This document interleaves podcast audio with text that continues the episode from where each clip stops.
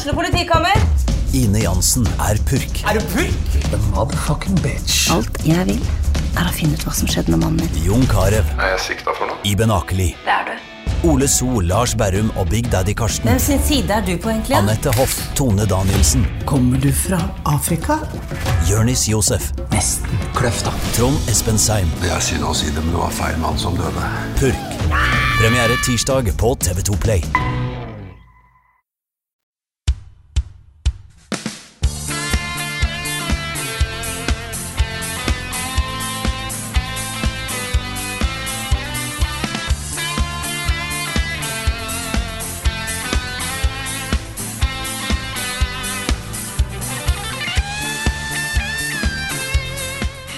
Og velkommen til en ny episode av podkasten Level Backup, som ikke inneholder en eneste prosent plagiat, verken eh, i tekstform eller eh, visuelt. Jeg er Frida Danmo, med meg i dag har jeg Karl Martin Hogsnes og Rune Fjell Olsen.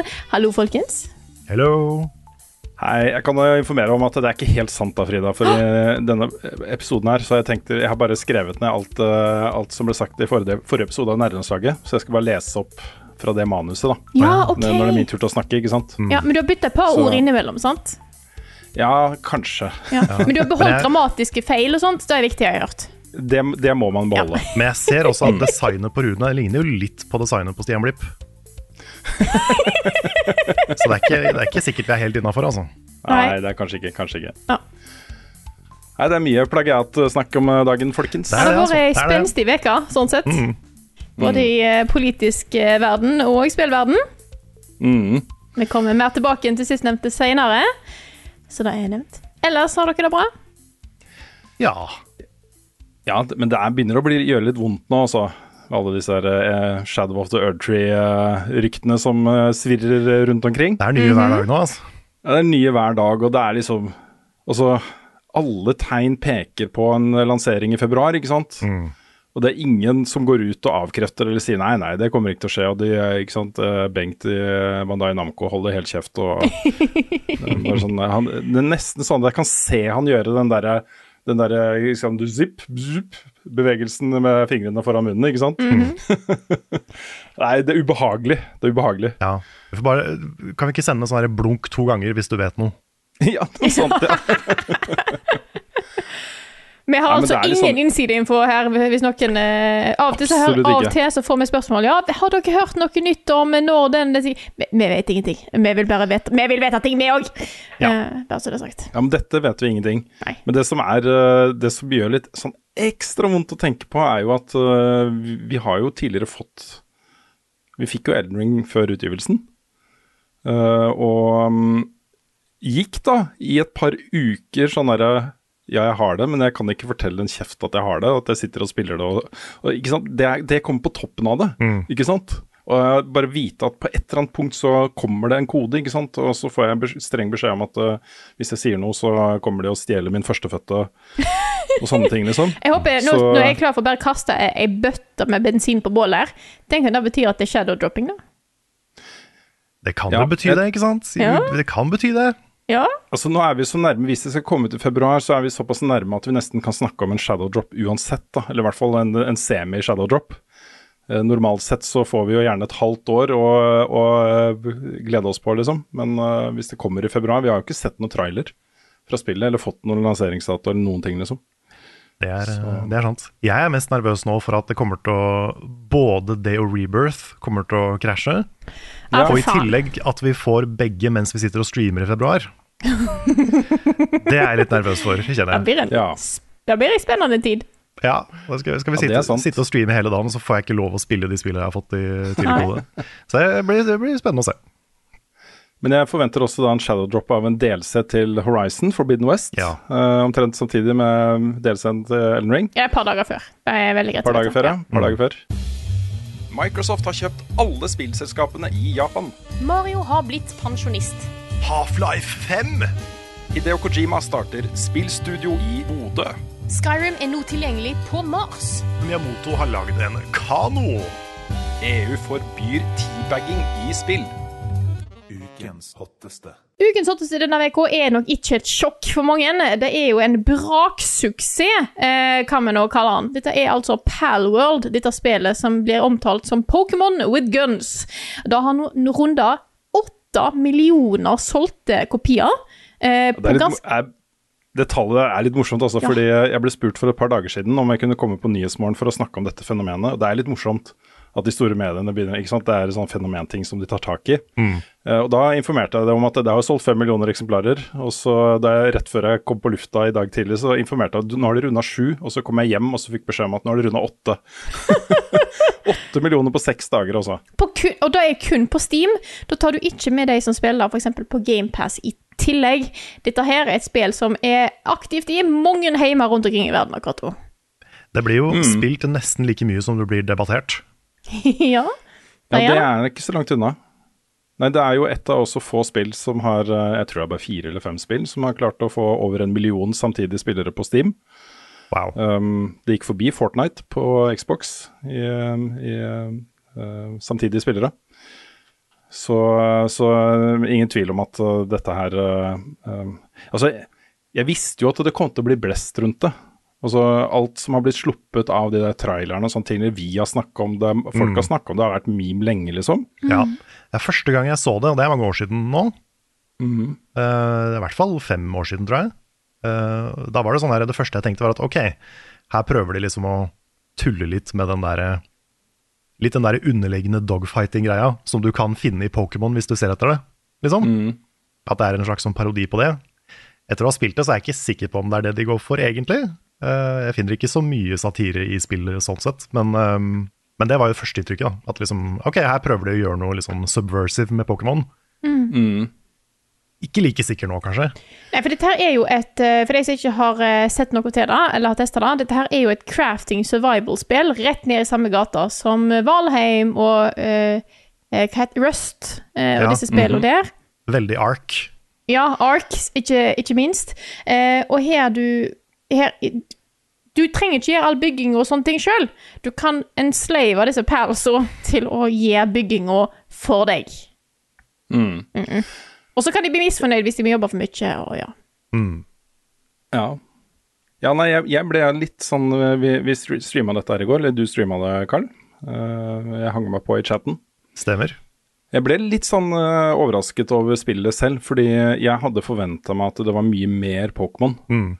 Eh, og at, eh, at eh, det meste av det du opplevde var liksom en, en variant av det, eller en parodi på det, eller en satire, ikke sant. Mm. Men, men det er jo vel så riktig å si at uh, det kommer bare rett inn i survival-sjangeren som et nytt spill, som bruker de samme mekanikkene som Conan Exiles og Ark og, og disse her, da. Eh, og det ble jo litt ekstra tydelig da vi satte oss ned umiddelbart etter Palworld og starta på Enshrouded, Ja. som hadde nøyaktig den samme introduksjonen til verden og til uh, alt mulig rart, da. Mm. Og dette er jo en sånn, dette er en sånn spillsjanger som eksploderer ofte på, på Ja. Mm. De har en Det- tendens til å gjøre det. De har det. Ja. Samme eksplosjon som Palworld fikk nå, fikk jo Valheim i var det forrige fjor. Ja. Det tror jeg stemmer. Jeg tror også det stemmer. Eh, Så det er, det er liksom en sånn type spill som folk bare hekter seg på og får med vennene sine, og så blir det sånne eksplosjoner. Early access eh, crafting survival-spill, altså. Ja. Det er der, du må bare treffe rett. Men, Ja, hvis- for satt men jeg- på dette her. Jeg ting er at det, Du har da Pokémon-elementet her, som, en, som har vært liksom reklamepunktet. Sånn Pokémon guns er jo kjempegøy. Eh, sånn sett. Jeg skjønner at det får blest. Men det er òg dette her Har det kanskje akkurat nå vært lenge nok siden Valheim-eksplosjonen til at det var på en måte på tide i hermetegn med en ny en? Kanskje. Det er i hvert fall en 20-30 spillutviklere over hele verden som eh, håper på det, for det kommer en del av disse her spillene i år. Ja. Eh, det gjør det, altså. Eh, jeg tror det er et eller annet med formelen. Det at du kommer inn med bare en, en underbukse på deg og må crafte alt, liksom. Det, det, du har ingenting. Eh, dette er noe man kjenner veldig godt fra Minecraft.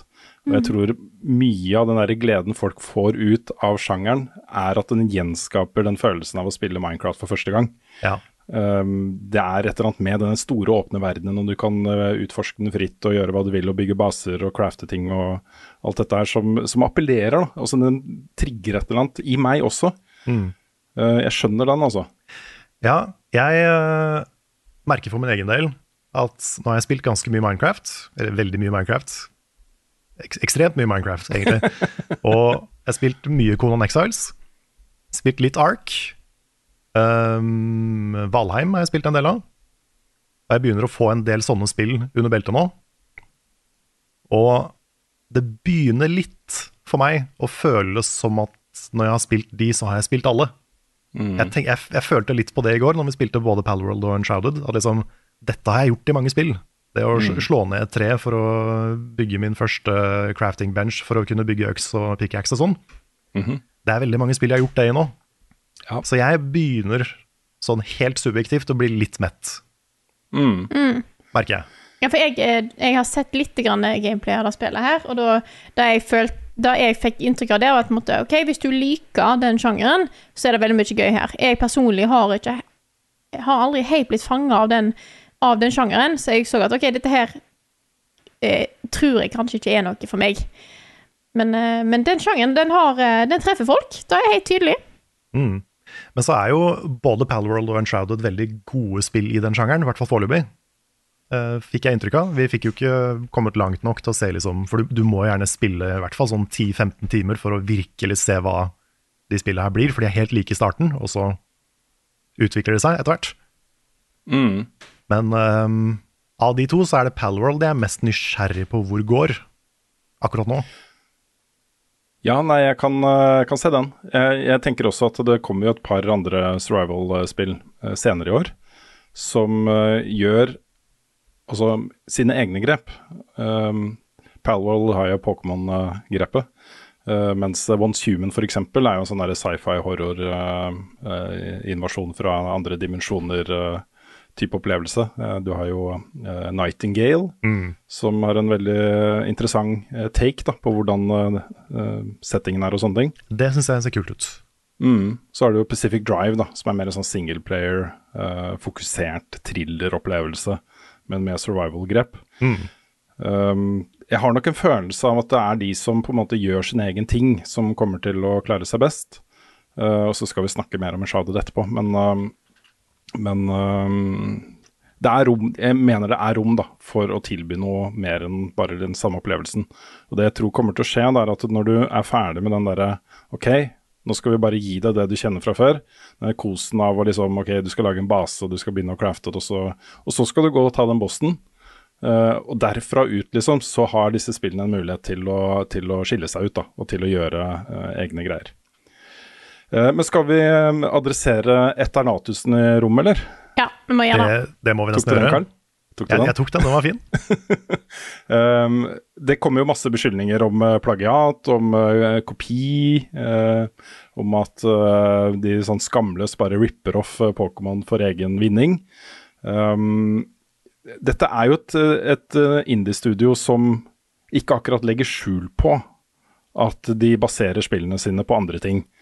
Du hadde jo Craftopia, som var veldig Breath of the Wild eh, med elementer fra andre ting. Du kunne se hvor det hadde lånt fra. Uh, Du har dette, Palworld, som eh, Det er jo Pokémon with guns. Ja. De, sit- de sitter ikke og liksom nekter folk å bruke det som en beskrivelse av spillet, akkurat. Nei, de gjør ikke det. Nei? Selv om de ikke bruker det selv. Uh, og så har du et uh, spill som kommer uh, senere i år, som heter Nevergrave, The Witch and the Curse. Som er også hvis du hvis du bare ser eh, traileren eh, gå forbi en blur, så tror du det er Hollow Night. Ja. For de bruker de samme fargetonene og den samme type visuelle stilen. Du må liksom pause det og zoome inn på elementene for å se at det er ikke akkurat den samme teksturen som er i Hollow Night. Den bare ligner veldig, da. Det var et par steder hvor jeg lurte på om liksom Ikke sant? Uh, Hva heter det første området i Hollow Nights? Du kommer til green et eller annet. Men Det husker jeg ikke. det det er, noen, det er noen sånne busker der som er sånn jeg, jeg, jeg var sikker på det var de. Jeg var sikker på det, men det var nøyaktig det samme. Og fonten var lik, og måten traileren var klipt på var lik. Det er liksom Kampsystemet ja, Det er er alt. kanskje litt mye. Ja, det er, det er litt sånn Men så har du jo òg, sånn som eh, vi har jo diskutert tidligere, eh, altså allerede nå i, i fjor, da, med Lies of P, som er jo Bloodborne i, i Jeg holdt på å si Incarnate. Ja, jeg, jeg blir litt sånn Jeg er litt delt på det, fordi eh, det er et godt argument, Frida. Eh, og med Lies of Peace så skrev jeg det i min anmeldelse også. Dette aksepterer jeg. Eller jeg anmeldte ikke, men eh, da jeg snakka om det. Jeg aksepterer det fordi dette digger jeg. Dette er fett. Og det er gøy, og det gir meg den samme gleden som nesten da, som Bloodborne ga meg. ikke sant? Og det er det spillet jeg trenger. Hvem er jeg da, til å sitte her og nekte folk å kose seg med noe som er en variant av Pokémon, liksom? Det, det blir vanskelig å forsvare, syns jeg. Jeg har tenkt litt på liksom forskjellen på hvorfor jeg syns Lies of P er mer greit enn måten Palworld har brukt sine Pokémon-designs på. Da. Og det er, det er noe med at Lies of P er ekstremt likt mekanisk som Soul-spill, og det er ganske mange spill som er. Men det tar likevel den oppskriften i en annen retning. Det er liksom en Pinocchio-verden som er sitt eget univers med sin egen law, sin sitt eget karakterdesign, sine egne uh, tweaks og ting og tang. Og det er på en måte litt omvendt, for Lies of P bruker mekanikker, mens Palworld bruker visuelle designs. Og det er jo en diskusjon om liksom er, er begge deler like ille. Er det, er, det like, er det like tacky å kopiere spillmekanikker som det er å kopiere utseendet på ting? Vi har jo fått eh, mye spørsmål om Palworld, eh, og det er jo blant annet og eh, Pum som spør om det samme. Hva er grensa mellom plagiat og inspirasjon? Det er ikke lett å svare på hvor grensa går her. Det Vi er inne i en sånn kjempestor, massiv sånn gråsone. Ja. Hvor, eh, hvor eh, noen, noen er liksom helt på ytterkanten av de, den gråsonen, mens andre er på den helt den andre ytterkanten, og noen er midt i et sted, liksom. Ja. Det er ikke noe tvil om at spillutviklere blir inspirert av hverandre, og det ser du jo i all kunst. Ja, ja, ja. At Absolutt. man uh, hører en beat i en fet låt, og så blir man inspirert til å lage en beat som ikke sant, kan, kanskje de minner litt om den, da. Mm. Kanskje det til og med er uh, ubevisst. At du bare ta med deg alt du har blitt inspirert av inn i det du lager selv, ikke sant. Um, for eksempel den der bølgen med uh, spill som er satt i samme tidsalder. Vi har hatt andre verdenskrig-perioder med massevis av forskjellige studioer som lager uh, spill fra samme tidsperiode og, og sånne ting, om uh, samuraier og pirater, og du, det ser du hele tiden. Uh, det som jeg føler blir litt annerledes her, er at det føles litt som om den der greia som er på mobil, har kommet til uh, konsoller og PC. Hvor du hadde liksom en kom Flappy Bird, og så var det 10 000 andre spill som var et eller annet Flappy som Floppy, Floppy Cat uh, ja, ja. Ikke sant? Ja. Uh, det, det, da, da er vi eh, kanskje utenfor gråsonen, da. Ja, for det også er en liten forskjell på, på Lies of P og Palworld. Den måten de Måten de approacher det å ta inspirasjon på. Altså sånn Lies of P er så tydelig et kjærlighetsbrev til Fromsoft.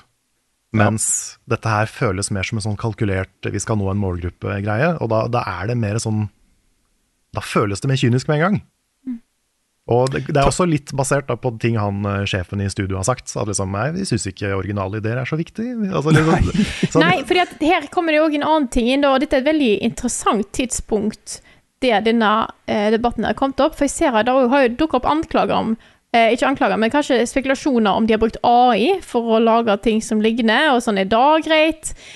Eh, og da vet jeg jo ikke. Jeg vet jo ikke om de har brukt noe AI på dette her, og da skal jeg ikke komme med anklagelser på heller, men det er en Jeg veldig om det er betent ganske Jeg lurer på om akkurat den beskyldningen er greit avkrefta, Ja. eh, ja, altså, sånn som jeg har forstått det. tror det. Det er, det er jo De har jobba med det spillet her før den AI-bølgen på en måte tok Ja. av.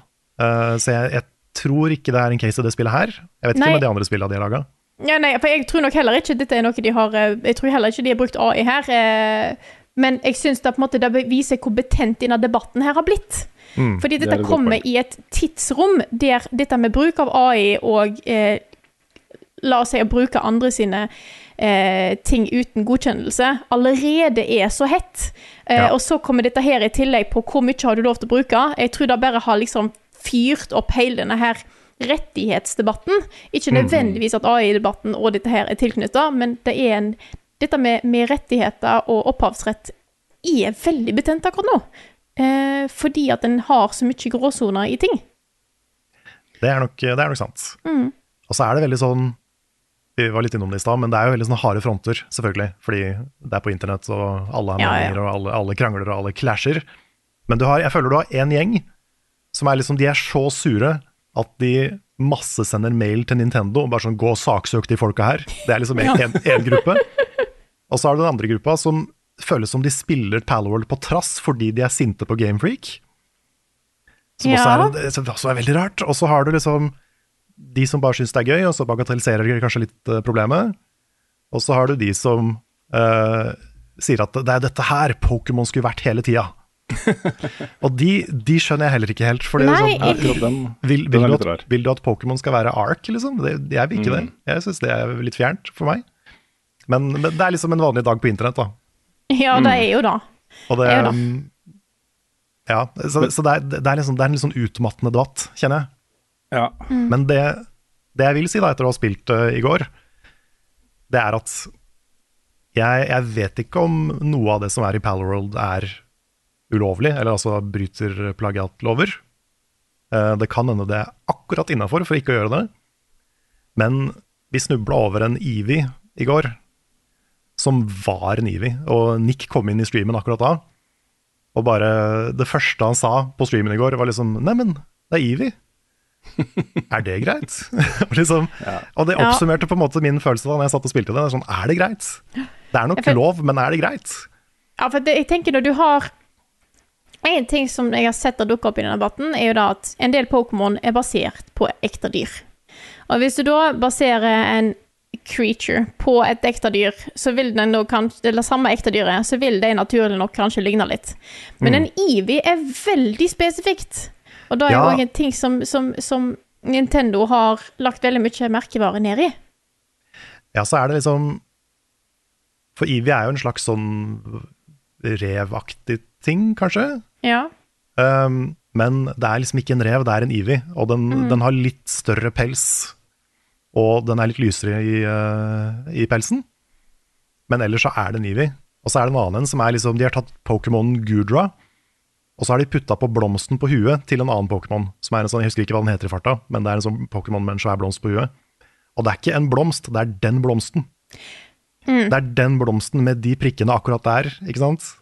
Det er det Ja. som gjør at det blir litt kvalmt. Ja, for da er det bare kopiert. Mm. Da er det sånn klipp og lim-ting.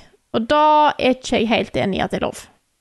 Så, så jeg, jeg er ikke enig med de som sier at dette er ikke et problem. Eller altså, dette er ikke, det, dette er ikke shady. For det, det syns jeg absolutt at det er. Men er vi ikke da fortsatt jeg, jeg, jeg begynner å liksom lene litt mot at vi fortsatt er innenfor liksom parodi, da. Uh, når eh, det er også Det er jo åpenbart, om ikke direkte kopiert, så i hvert fall såpass inspirert av Pokémon. Det er jo ikke noe tvil om at det er der det, er der det har starta. Det er det de har lyst til å gjøre. De har lyst til å lage spill som ligner på Pokémon, eh, men hvor, eh, hvor man gjør helt andre ting. Eh, og det som er utgangspunktet her, er jo at du bruker jo disse palsa da, på en helt annen måte enn du bruker Pokémon. Eh, Du kan jo eh, utstyre dem med maskingevær og sende det ut eh, som en hær foran deg på krig, liksom. Du kan dytte det inn i, i rocket launchers og skyte dem på fiender. Det er masse greier du kan gjøre med det da, som du ikke kan i Pokémon. Og det elementet mener jeg er, gjør at det at de da ligner på Pokémon, og i noen tilfeller kanskje er mer eller mindre kopiert fra andre varianter, da, gjør parodiargumentet sterkere, eh, mener jeg da. Ja, Um, det, jeg også tror det at hvis, hvis dette er Nå er jo eh, Nintendo eller Gamefreak har jo eh, gått ut med en offisiell melding om det her, og sier at they're investigating.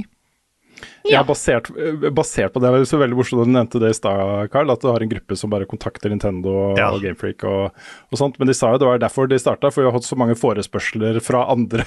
Ja, Dette hadde jeg trodd at Nintendo sine lawyers var on, on case på med en gang, for de pleier å være eh, De pleier å være ja, de tok jo ned den Pokémon-moden til Powerworld mm. umiddelbart. Den fikk bare leve et døgn eller to. Ja. Jeg, jeg må også bare legge til uh, det at jeg tar opp dette her med at det ligner på Det, det er ikke for å forsvare Pokémon eller Gamefreak eller Nintendo. Fordi verdens største franchise trenger ikke å forsvares, liksom. Pokémon klarer seg fint, men det kunne vært hva som helst annet. Sånn som neste spill så er det Hollow Knight, ikke sant.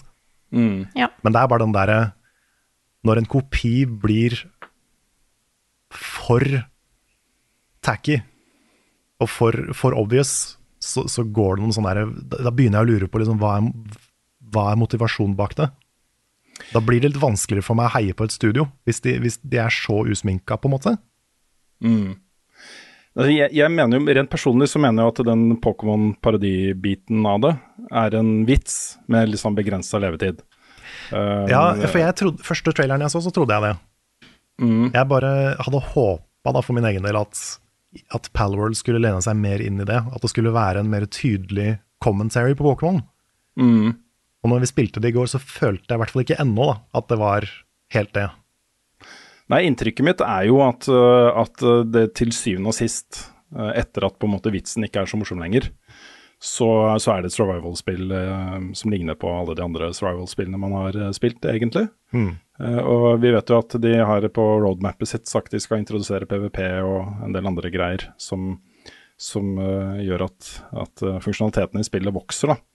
Um, og jeg, jeg er jo litt sånn Selv om dette ikke appellerer sånn voldsomt til meg personlig, så ser jeg at folk er dritfornøyde. Det har jo veldig høy rating på Steam. Eh, Det var massevis av folk i chatten hos oss nå som hadde både 20 og 30 timer med spillet i løpet av siste uka, var eh, høyt oppe i level og syntes det var dritmorsomt. Eh, For all del, liksom. Eh, Kos dere med spillet. Jeg har ikke noe problem med det i det hele tatt. Så det er mer min eh, Jeg, jeg syns ikke det er så gøy. Men jeg, jeg tror det er fordi jeg ikke er så superfan av Pokémon også. Hvis, hvis jeg hadde vært veldig glad i Pokémon, og den vitsen traff meg, så, så hadde jeg nok kost meg mer med uh, Palworld-opplevelsen, sånn i utgangspunktet. Um, fordi uh, vi er jo litt, vi er litt da, ikke helt, men litt i det, det kom en uh, Peter Jackson, en av de første filmene han lagde, var en, en uh, duk, dukkefilm som het Meet the Feebles, som jo var en parodi på Muppet Show, uh, og en splatterfilm. Ikke Ja. sant? Jeg, får litt den samme viben her, da. At bare den der, den der skadefryden av å se uh, Pals, da, eller Pokémons, bare eksplodere, liksom. Og ha, få de grusomste skjebner, men også at du kan utstyre med skytevåpen og alle disse tingene. At det er, en, det er noe der som som eh, er litt sånn der At de tør, liksom. Det er ganske kult, altså. jeg er litt på den. Jeg er litt på den. Ja. ja, jeg tror hvis dette her øhm, Hvis dette ender med noe rettslig, da, Mm. faktisk, så tror jeg det er sånn de vinner. Ja. Ved å si, at tror jeg dette, ved Ja, ja. si at dette er en parodi. Mm. Jeg er sånn personlig ikke helt overbevist om at det er det de går for i spillet, men, men jeg, jeg har jo ikke spilt nok til å 100% vite det. Hvis det blir tydeligere etter hvert at dette er en form for satire, så, så er jeg mer med på det. Ja, Du var inne på det i stad, Karl, men jeg tror dette studiet her er bare ganske kyniske. At de, de går for ting som, som de eh, er ganske sikre på vil være salgbart. Altså de, de, de utformer spillene sine og finner en take på det som, som skal treffe. da. Og Hvis du har vært bare en time på TikTok den siste uka, så ser du hvor godt det funker. Altså Feeden min er i hvert fall smekkfull av kjempemorsomme enkeltsekvenser med Palworld, hvor uh, du ser jo folk som spiller det, har det jo kjempegøy. de har det kjempegøy og ler og koser seg, ikke sant. Eh, det, det treffer innmari hardt, da. Uh, jeg vet ikke helt hva tanken bak å, å kopiere Hollow Knight er, for det er jo Ok, det har solgt greit, men det er jo ikke en sånn derre 50 millioner solgte eksemplarer-type spill heller. Så Nei, Jeg vet den, ikke helt. Den er litt, den er litt rar. Men, øhm, men jeg også er jo der. Jeg syns jo det, det er selvfølgelig helt Det er bare kult at folk koser seg med spillet. Jeg syns jo også det var ting der som var bra. Jeg nevnte jo i stad at jeg, er litt sånn, jeg begynner å bli litt mett på den type survival-spill, men øh, jeg kommer nok til å fortsette å spille det, bare for å, Mm. for å se om det, om det hooker meg mer etter hvert. Og det kommer helt sikkert til å gjøre det, for de gjør jo alltid det. mm. Så øh, ikke noe problem med å skjønne at folk digger det spillet her. Nei, nei, nei. Den, den sjangeren her er, er vel eh, utprøvd at det er, fengende. Eh, så det er ikke noe eh, jeg, jeg ser ikke noe i veien for at dette her kommer til å bli enda større de neste dagene. Og så syns jeg jo at dette her er et øh, Eller i hvert fall det virker som at selv, selv om dette er et lite indieselskap fra Tokyo, det virker som om de vet hva de gjør. Altså Ting henger på greip, og det er en svær verden med massevis av, av ting å gjøre og finne og, og sånt som henger på greip. da. Um, og som er uh, vellaget, liksom. Um, de, de er en dyktige utviklere. Uh, og det elementet av det syns jeg kanskje er det mest interessante, men det har vi jo sett før, da, med bl.a. Val Valheim uh, men også Mangus og en del andre spill. Jeg syns jo det er litt kult da, at det kan komme et bitte lite indiespill ut fra ingenting. Uh, og vite at her sitter liksom EA og Ubisoft og Activision og Sony og Nintendo De sitter med hundrevis av folk i årevis og biter negler, fordi de har satsa så mye penger på disse spillene sine og, og håper det kommer til å selge nok da, til at det var verdt å gjøre det. ikke sant? Så kommer det bare slegger ut, og så er det åtte millioner solgte eksemplarer på seks dager, og det er ikke måte på, ikke sant. Um, det er en sånn sidetanke her som er litt interessant.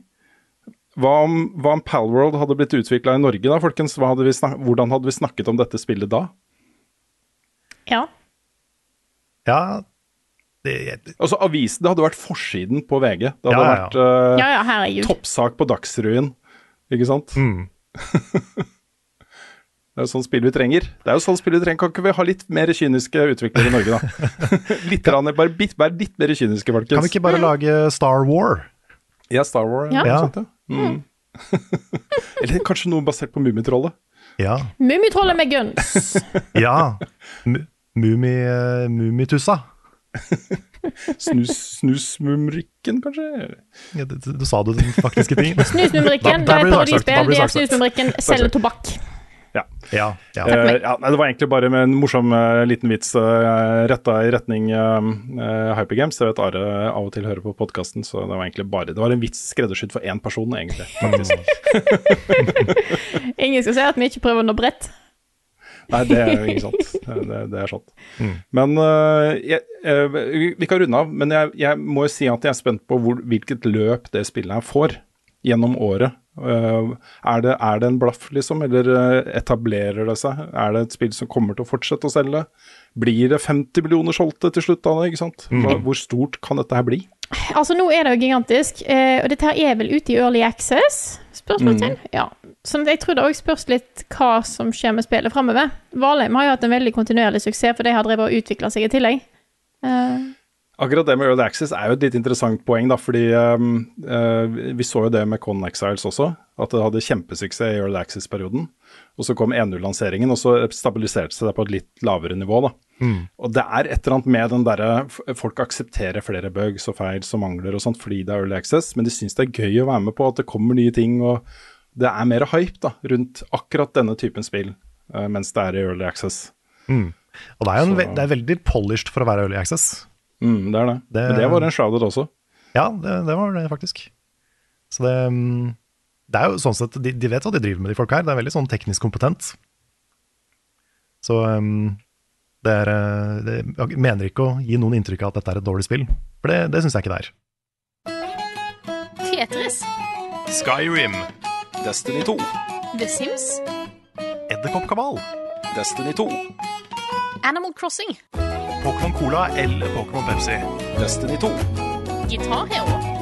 Kingdom Hearts Bohemian Boogaloo. Destiny 2. Level Ups spilleliste. I dag kom jo en av de store, store spillseriene, sånn litt sånn historisk sett, eh, ut med nytt spill, og dette har jo dere testa. Det er snakk om Tekken 8, altså. Oh yes. Det stemmer. Det er lenge siden, altså. Jeg sjekka, det var jo 2015 kom Tekken 7. Ja. Uh, og da er det ni år, da. Ni år uten Tekken. Shit. Uh, I mellomtiden har jo Street Fighter fått en revival så det holder, uh, og blitt på en måte det foretrukne e-sportspillet innen kamp, altså slåssespill og sånne ting.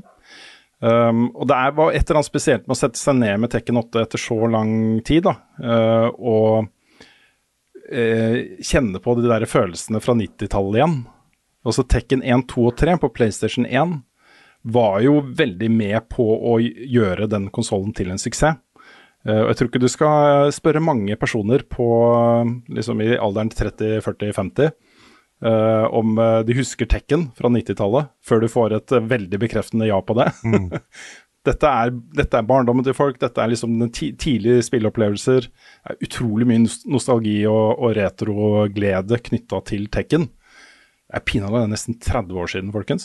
Det er det. Tekken kom ut. Ja. Det er sant. Jeg har hørt at det er en av de lengste spillhisto- altså lengstlevende spillhistoriene som ikke har blitt reboota.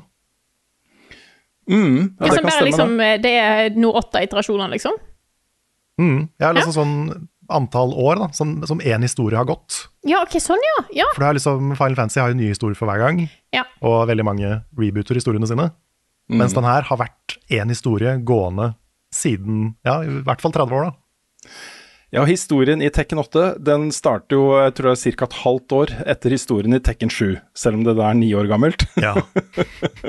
Veldig direkte fortsettelse. og du, du eh, også, Det blir kanskje feil å si du tipsa meg om det. Jeg visste at den videoen eksisterer, eh, Karl, men det ligger jo en fem minutter lang eh, gjennomgang av historikken, altså den historien, på YouTube. Eh, fremført, eh, eller fortalt av, eh, av eh, Cox, er Brian. Brian Cox.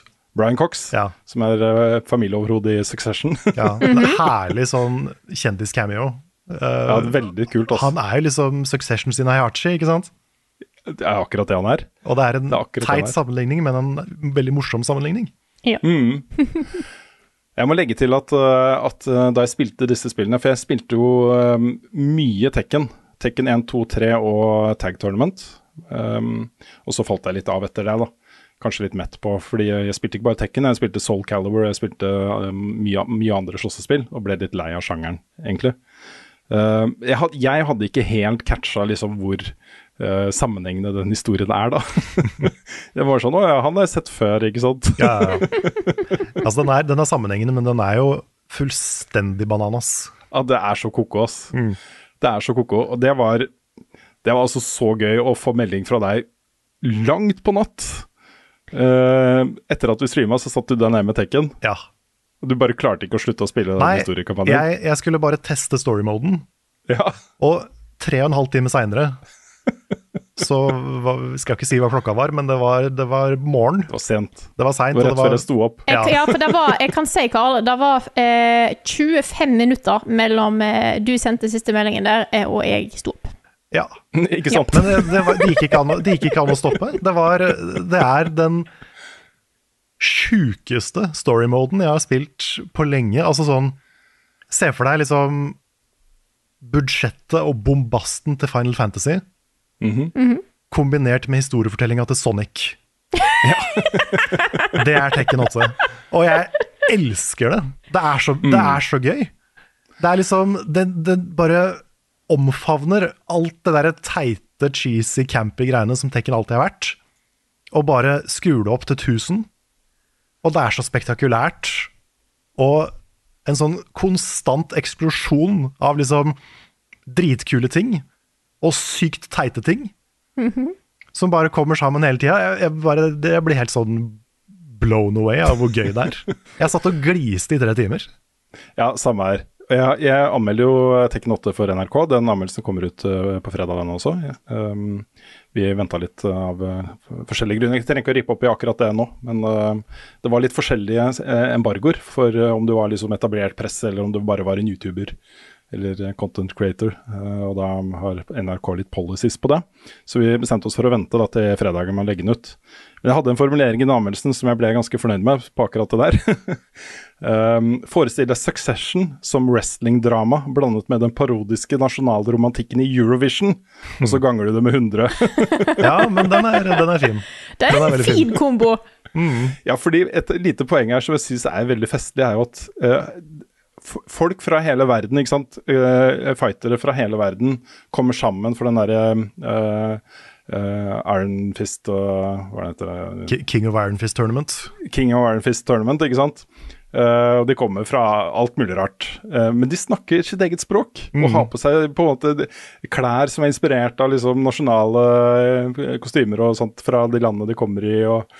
det, det er liksom et eller annet med den der følelsen av at hele Europa kommer inn i en sal sammen for å feire musikk, ikke sant?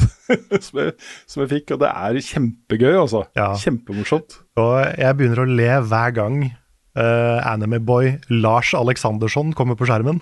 ja. For han ser så teit ut. Jeg bare elsker hvor teit han ser ut. Det er kjempemorsomt. Og så er det jo um, Jeg tror dette er det første av disse spillene her som er laget i Unreal Engine 5. Oh, ja. Jeg er ikke helt sikker, men uansett, da.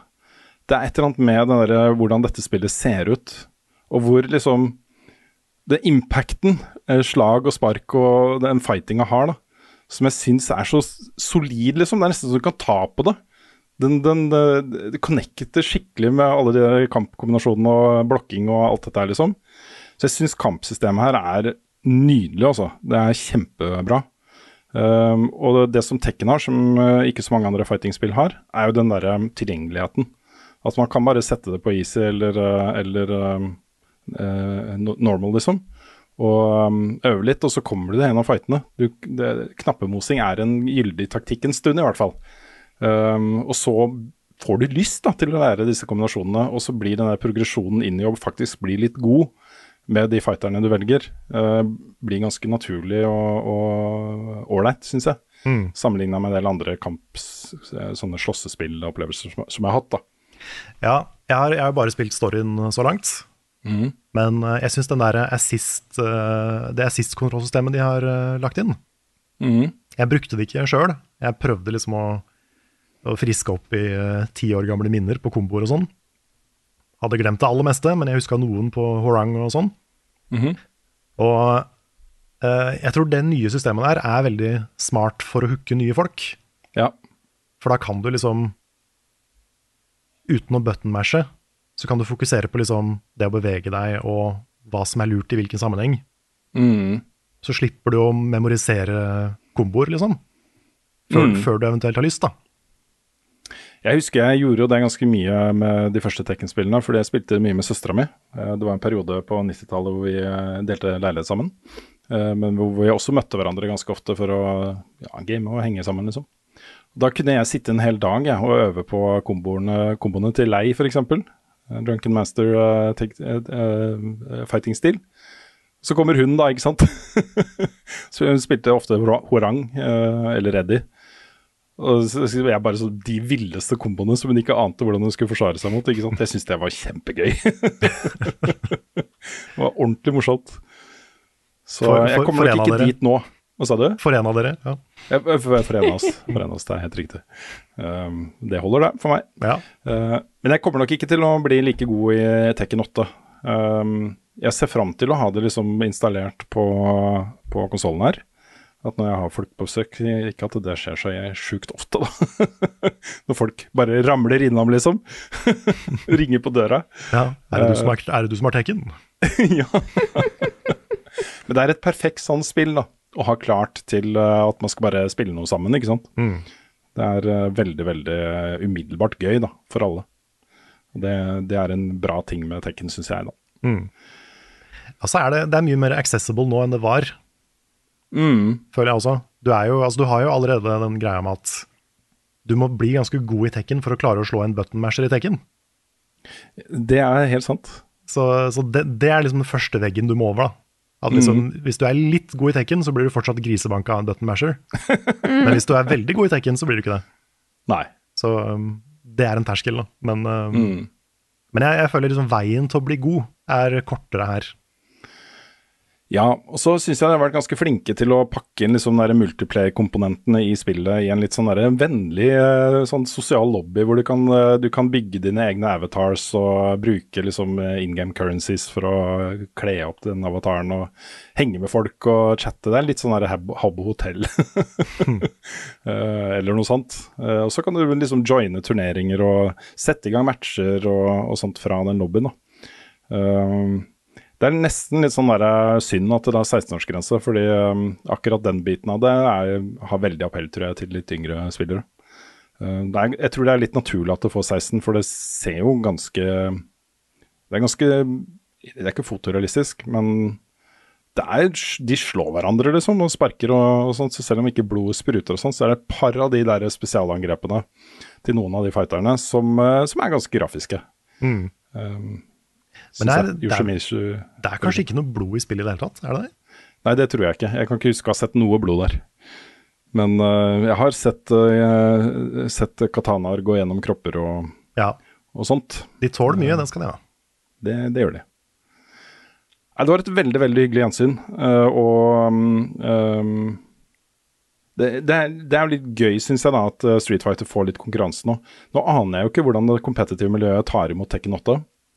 Eh, det skal jeg følge litt med på framover, for det er jeg litt spent på, egentlig. Om, eh, er, det, er det noen som får lyst da, til å begynne å konkurrere eh, proft i Tekken 8 også?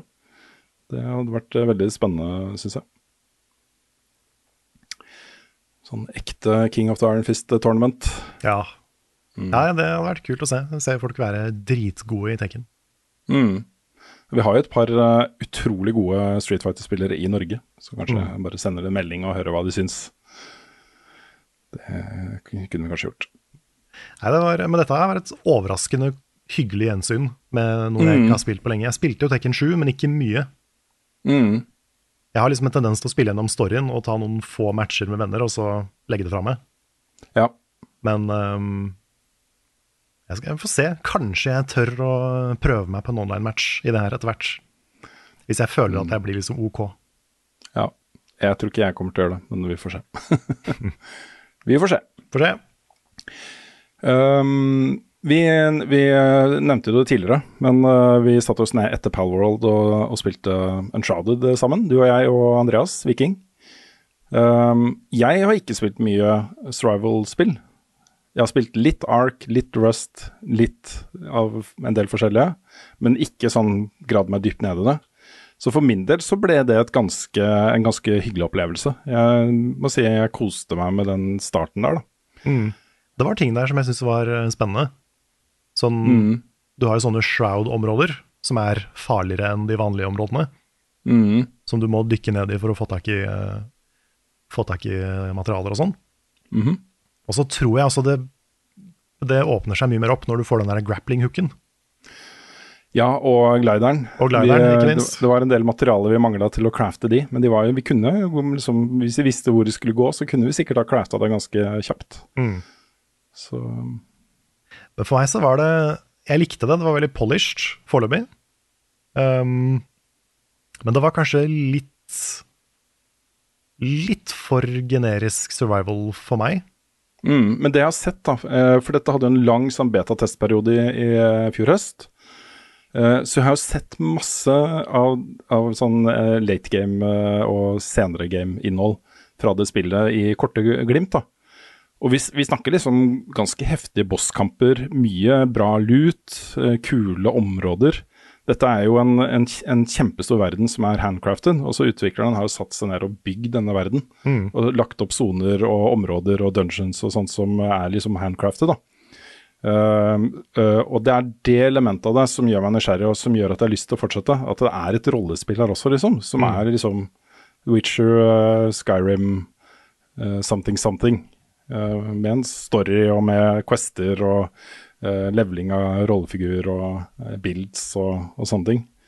Uh, så, så den biten av det gjør at jeg, at jeg jeg har lyst til å komme meg forbi den der startområdet. Mm. Som, hvor vi gjorde akkurat det samme som du gjør i Palworld. Altså, Vi satte opp den der tingen som registrerte at dette er en base, og så måtte vi lage noe gulv og noe greier, og så Du drev og jagde en høne eller et eller annet. Ja. Men det var et veldig sånn der selvsikkert eh, ehm, Dette er et spill. Det er sånn at det er nesten sånn at jeg mistenker at de egentlig kunne ha gitt det ut som et uh, ferdig spill, uh, og så patcha det. Um, men at uh, jeg tror de får litt ekstra vind i seilene av at det er early access, rett og slett. Det er, jeg tror det er en god salgsstrategi. Mm. Og folk eh, får lyst til å kaste seg på. ikke sant? Ja, det er litt interessant, fordi jeg er ofte sånn omvendt. Jeg liker å vente Mm. til spillet er ferdig. Ja, for det, det blir også et litt faglig spørsmål. da. Jeg kan jo ikke sette et terningkast eller en 1-10-score på et Early Access-spill, føler jeg. Eh, Da må man vente til spillet er ferdig. Mm. Eh, Det blir helt tullete å på en måte basere en anmeldelse på at du ikke kan kritisere f.eks. at det mangler PVP. Hvis du vet at det er noe de har tenkt å legge til seinere i en Early Access-periode. Så eh, jeg syns det er vanskelig å være på en måte spillkritiker og, og på en måte dømme et spill basert på Early Access. Så da venter jeg gjerne til 1.0-lansering. Det er jo mye av grunnen til at vi, eh, til at vi har en person som uh, tar tak i Early Access også. Fordi da får vi er dekket de på en måte som ikke er anmeldelser. Mm. Så Andreas Viking er jo Han har jo covra en del Early Access-spill. Massevis. Nei, Det blir spennende å se hvordan det også utvikler seg. Nå er det jo heller ikke lenge til, det er bare noen uker til, til Pacific Drive kommer ut. Og så går det litt sånn slag i slag. Eh, Dune Awakening, eh, Nightingale som du nevnte, eh, Once Human. Det, det, dette er året for, folk som er glad i survival-spill, altså. Hvis du er, hvis du er hypp på den type spilleopplevelser, så får du nok å bite i i 2024. Spørs det. Men nå er liksom I går kveld var første gang jeg fikk følelsen at nå er, 20, nå er 2024 i gang. Ja. Og vi er jo fortsatt bare i slutten av januar, så det er jo, det er jo tidlig. Men sånn Etter å ha spilt liksom Palworld, det er jo en gigasnakkis, men Tekken 8, ass. Kan hende det ender opp på topplista mi på slutten av året, liksom. Jeg vet ikke. Ja, det, det står foreløpig i- på det manuset som jeg allerede begynner å å- Første spillet jeg spiller i et nytt år, så lager jeg et nytt manus som bare heter God til 2024 nå, da. og så fører jeg opp de tingene jeg spiller og begynner å rangere ting allerede. Det står bare ett spill der foreløpig, og det er Tekken 8. Ja, akkurat nå så er Tekken 8 Game of the Year. Ikke sant? Akkurat nå er Tekken 8 Game of the Year. Ja, Hørte det her først. Hørte det her først, altså. Jeg har spilt et par ting til som jeg har lyst til å bare nevne kjapt.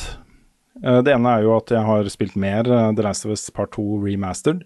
Ja. Eh, Jeg glemte å nevne forrige uke at hvis du eier det spillet fra før på PS4, så kan du oppgradere til remastered for bare hundrings, da, ti dollar.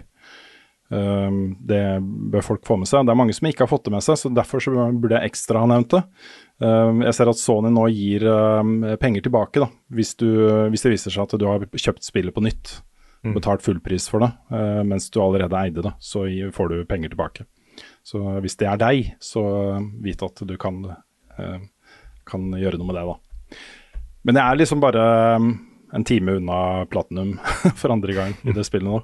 Så jeg er gjennom Du må, du må runde en og en halv gang cirka. For du må oppgradere alle abilities og sånt til maks, og du får ikke nok materialer til å gjøre det på én gjennomspilling. Men det er ikke noen uh, rogelike uh, trophies? Jo, men de, de, er, de har vært så smarte på det. Vet du. De har skilt ut som en egen ting. Det, er, det regnes som en delelse. Ah, Det regnes ikke som en del av spillet, det er en delelse. Eh, og Det samme gjelder eh, grounded-modusen, som de også introduserte etter utgivelsen som en. Da. Der er det bare to trophies uh, i grounded-delelsen. Mens det er en fem-seks eller noe sånt da, i den eh, left behind-delelsen. Så jeg trenger ikke å gjøre noe av det for å få platinum i grunnspillet. da. Jeg har hørt et rykte om at du kan importere saven fra PS4 og automatisk få platinum, men det var ikke bra nok for meg. Så, og Den siste tingen jeg vil nevne, er at jeg spiller jo fortsatt eh, Wordle, Wordle hver dag. Nå har um, de Jeg vet ikke om de har akkurat introdusert det, eller om jeg bare ikke visste at den eksisterte der før, men de har jo en advanced mode av det spillet som jeg ikke visste om. Um, og så fikk jeg en beskjed, en prompt, på skjermen om at vi ser at du klarer ganske mange Wordles, har du lyst til å bytte til advanced? Så tenkte jeg ja ja, jeg får gjøre det da. Uh, og det er jo sånn at uh, når du gjetter et ord, og du får grønne bokstaver, det betyr at det er riktig bokstav når den står på riktig sted. Og hvis det er eh, oransje, så står den på feil sted. Den skal være med i ordet. Du må bruke eh, alle grønne og oransje bokstaver du får på neste gang de gjetter. Derfor så blir det jo det blir hakket vanskeligere, altså. Det er Ja, mer shit. du kan ikke bare ta For jeg hadde jo en taktikk på det. Vi hadde tre forskjellige ord som hadde da fem forskjellige bokstaver. Så jeg hadde jo halve alfabetet, over halve alfabetet på tre ord, ikke sant. Og da ga det ofte seg selv da, hva ordet faktisk var. Eh, Men nå må man faktisk jobbe litt mer for det. Det er gøy. Nice. Mm. Ja, Den lengste streaken jeg har der, 136 døgn. Oi! Det, mm, den ble brutt, for jeg tror jeg bare glemte å spille det en dag. ha. Og da var da jeg gikk over til advanced. Aha. Kan jeg ta et, et spill til? Ja, kjør på. Oh yes. Fordi jeg må bare, kanskje for siste gang i podkasten, i hvert fall i overskuelig framtid, så må jeg nevne Boulderskate. For nå er jeg gjennom min Dark Urge run av, eh, av spillet. Oi, kjapt unna. Det, Ja, det gikk litt fortere etter at jeg hadde runda det én gang solo og én gang i multiplayer. Men jeg var jo da um, For Dark Urge er jo egentlig sånn her hvis du vil gjøre en evil playthrough, så kan du være dark. Og jeg er ikke noe glad i det. Men du kan velge Dark Urge og likevel prøve å være snill. Litt sånn edgy, da, rett og slett. Ja, eller litt sånn du har, en, du har noe ondskap inni deg, men du må motstå det. Liksom. Så du kjemper mot deg sjøl, noe, noe sånn mørkt som er inni deg. ikke sant? Og det var, det var noe litt sånn spennende med det, og det er En litt sånn kul ting er at når du velger den, uh, den historien, så er du ikke lenger en ingen Altså, du, du er en karakter i historien. ikke en karakter som blir laga av deg. Ja. Så det er faktisk en du, du har en rolle i den svære Boulder Skate-historien som ikke du har når du lager din egen. Så det er litt, eh, litt interessant. Mm. Så det var litt sånn ekstra historie og litt ekstra ting og tang som skjedde. Noe av det var ganske sånn bad, men, men det var litt så spennende og Du fikk, litt, eh, fikk noen law bits som ikke du får ellers. Um, så jeg var da Anja Darkwing, oppkalt etter Darkwing Duck, Mhm. som, eh, som prøvde å motstå sitt eget mørke da, gjennom hele historien. Klarte det noen ganger, andre ganger klarte det ikke. Men, eh, men det var spennende. Det var, det var, eh, det var en kul, foreløpig siste måte å oppleve det spillet på. Tre playthroughs, da begynner jeg å bli fornøyd. Har dere prøvd Vann fra springen? Jeg har sett en ny TV-serie nå, vet du. Dette albumet må dere høre. TV-spill er ganske stas. Det er en serie som foregår in space. YouTube.com er en kul nettside. Level Ups anbefaling. I dag begynner BMBM Bam Bam to veldig korte anbefalinger rett i øret ditt. Vær så god, Carl, du kan få lov til å starte. Takk for det. Jeg fortsetter min eh, tradisjon med Carl anbefaler den nye videoen til Jacob Geller. Ja! Så jeg skal være, jeg skal være kjapp, men eh, Jacob Geller, en av de flinkeste youtuberne jeg vet om, har lagd en video som heter Pinocchio is a story about art and God. OK. Hvor han tar, for, han tar for seg masse forskjellige adaptasjoner av Pinocchio, inkludert Lies of P og uh, nye, de to nye Pinocchio-filmene som kom ut i nyere tid. Og jeg er så misunnelig på hans formidlingsevne, det sier jeg hver gang, men uh, han er så flink, og han Du blir så umiddelbart interessert i det han prater om. Så jeg hadde jo fortsatt ikke sett den eh, Del Toro Pinocchio-filmen, men når han kom til den, så pausa jeg videoen for å gå og se den, bare for å henge med. Mm. Som også var veldig, veldig fin. Den var veldig verdt å se. Men uh, ja, varmt anbefalt. Pinocchio is a story about art and God. Den skal jeg se. Nice, Eh, nice. Uh, Min anbefaling er ikke egentlig en anbefaling, det er en oppdatering på um, uh, en føljetong, det også, på en måte. da. Ja, Uh, fordi nå har jo True Detective begynt å gå igjen, og jeg har gleda meg så innmari til den sesongen. Og den har liksom bygd seg opp til å bli kanskje liksom Kunne den kanskje matche sesong én, da? Eh, og så nevnte jeg forrige uke at jeg var ganske skuffa over den første episoden. Litt for mye X-Files, litt for lite True Detective. Eh, og så har jeg sett den andre episoden, og det tok seg litt opp, men jeg er fortsatt ikke Jeg er fortsatt på gjerdet her, liksom. Jeg vet ikke helt. Men den har gjort et par grep nå som jeg bare hadde lyst til å nevne, og det er jo at nå begynner du å få noen linker da, til sesong én. Og det var et kult grep. Da ble jeg i hvert fall interessert nok til å fortsette. Hvis ikke da, i hvert fall, så tror jeg kanskje jeg hadde gitt en episode til, og hvis det ikke hadde fenga, så hadde jeg meldt meg av. Men, uh, men det var øh, gøy, altså. Det er noen referanser der som øh, Det var hele tre referanser i andre episoden til ting som skjer i første sesongen. Det var, øh, da følte jeg meg øh, sett som fan, ikke sant. Så det var, det var gøy.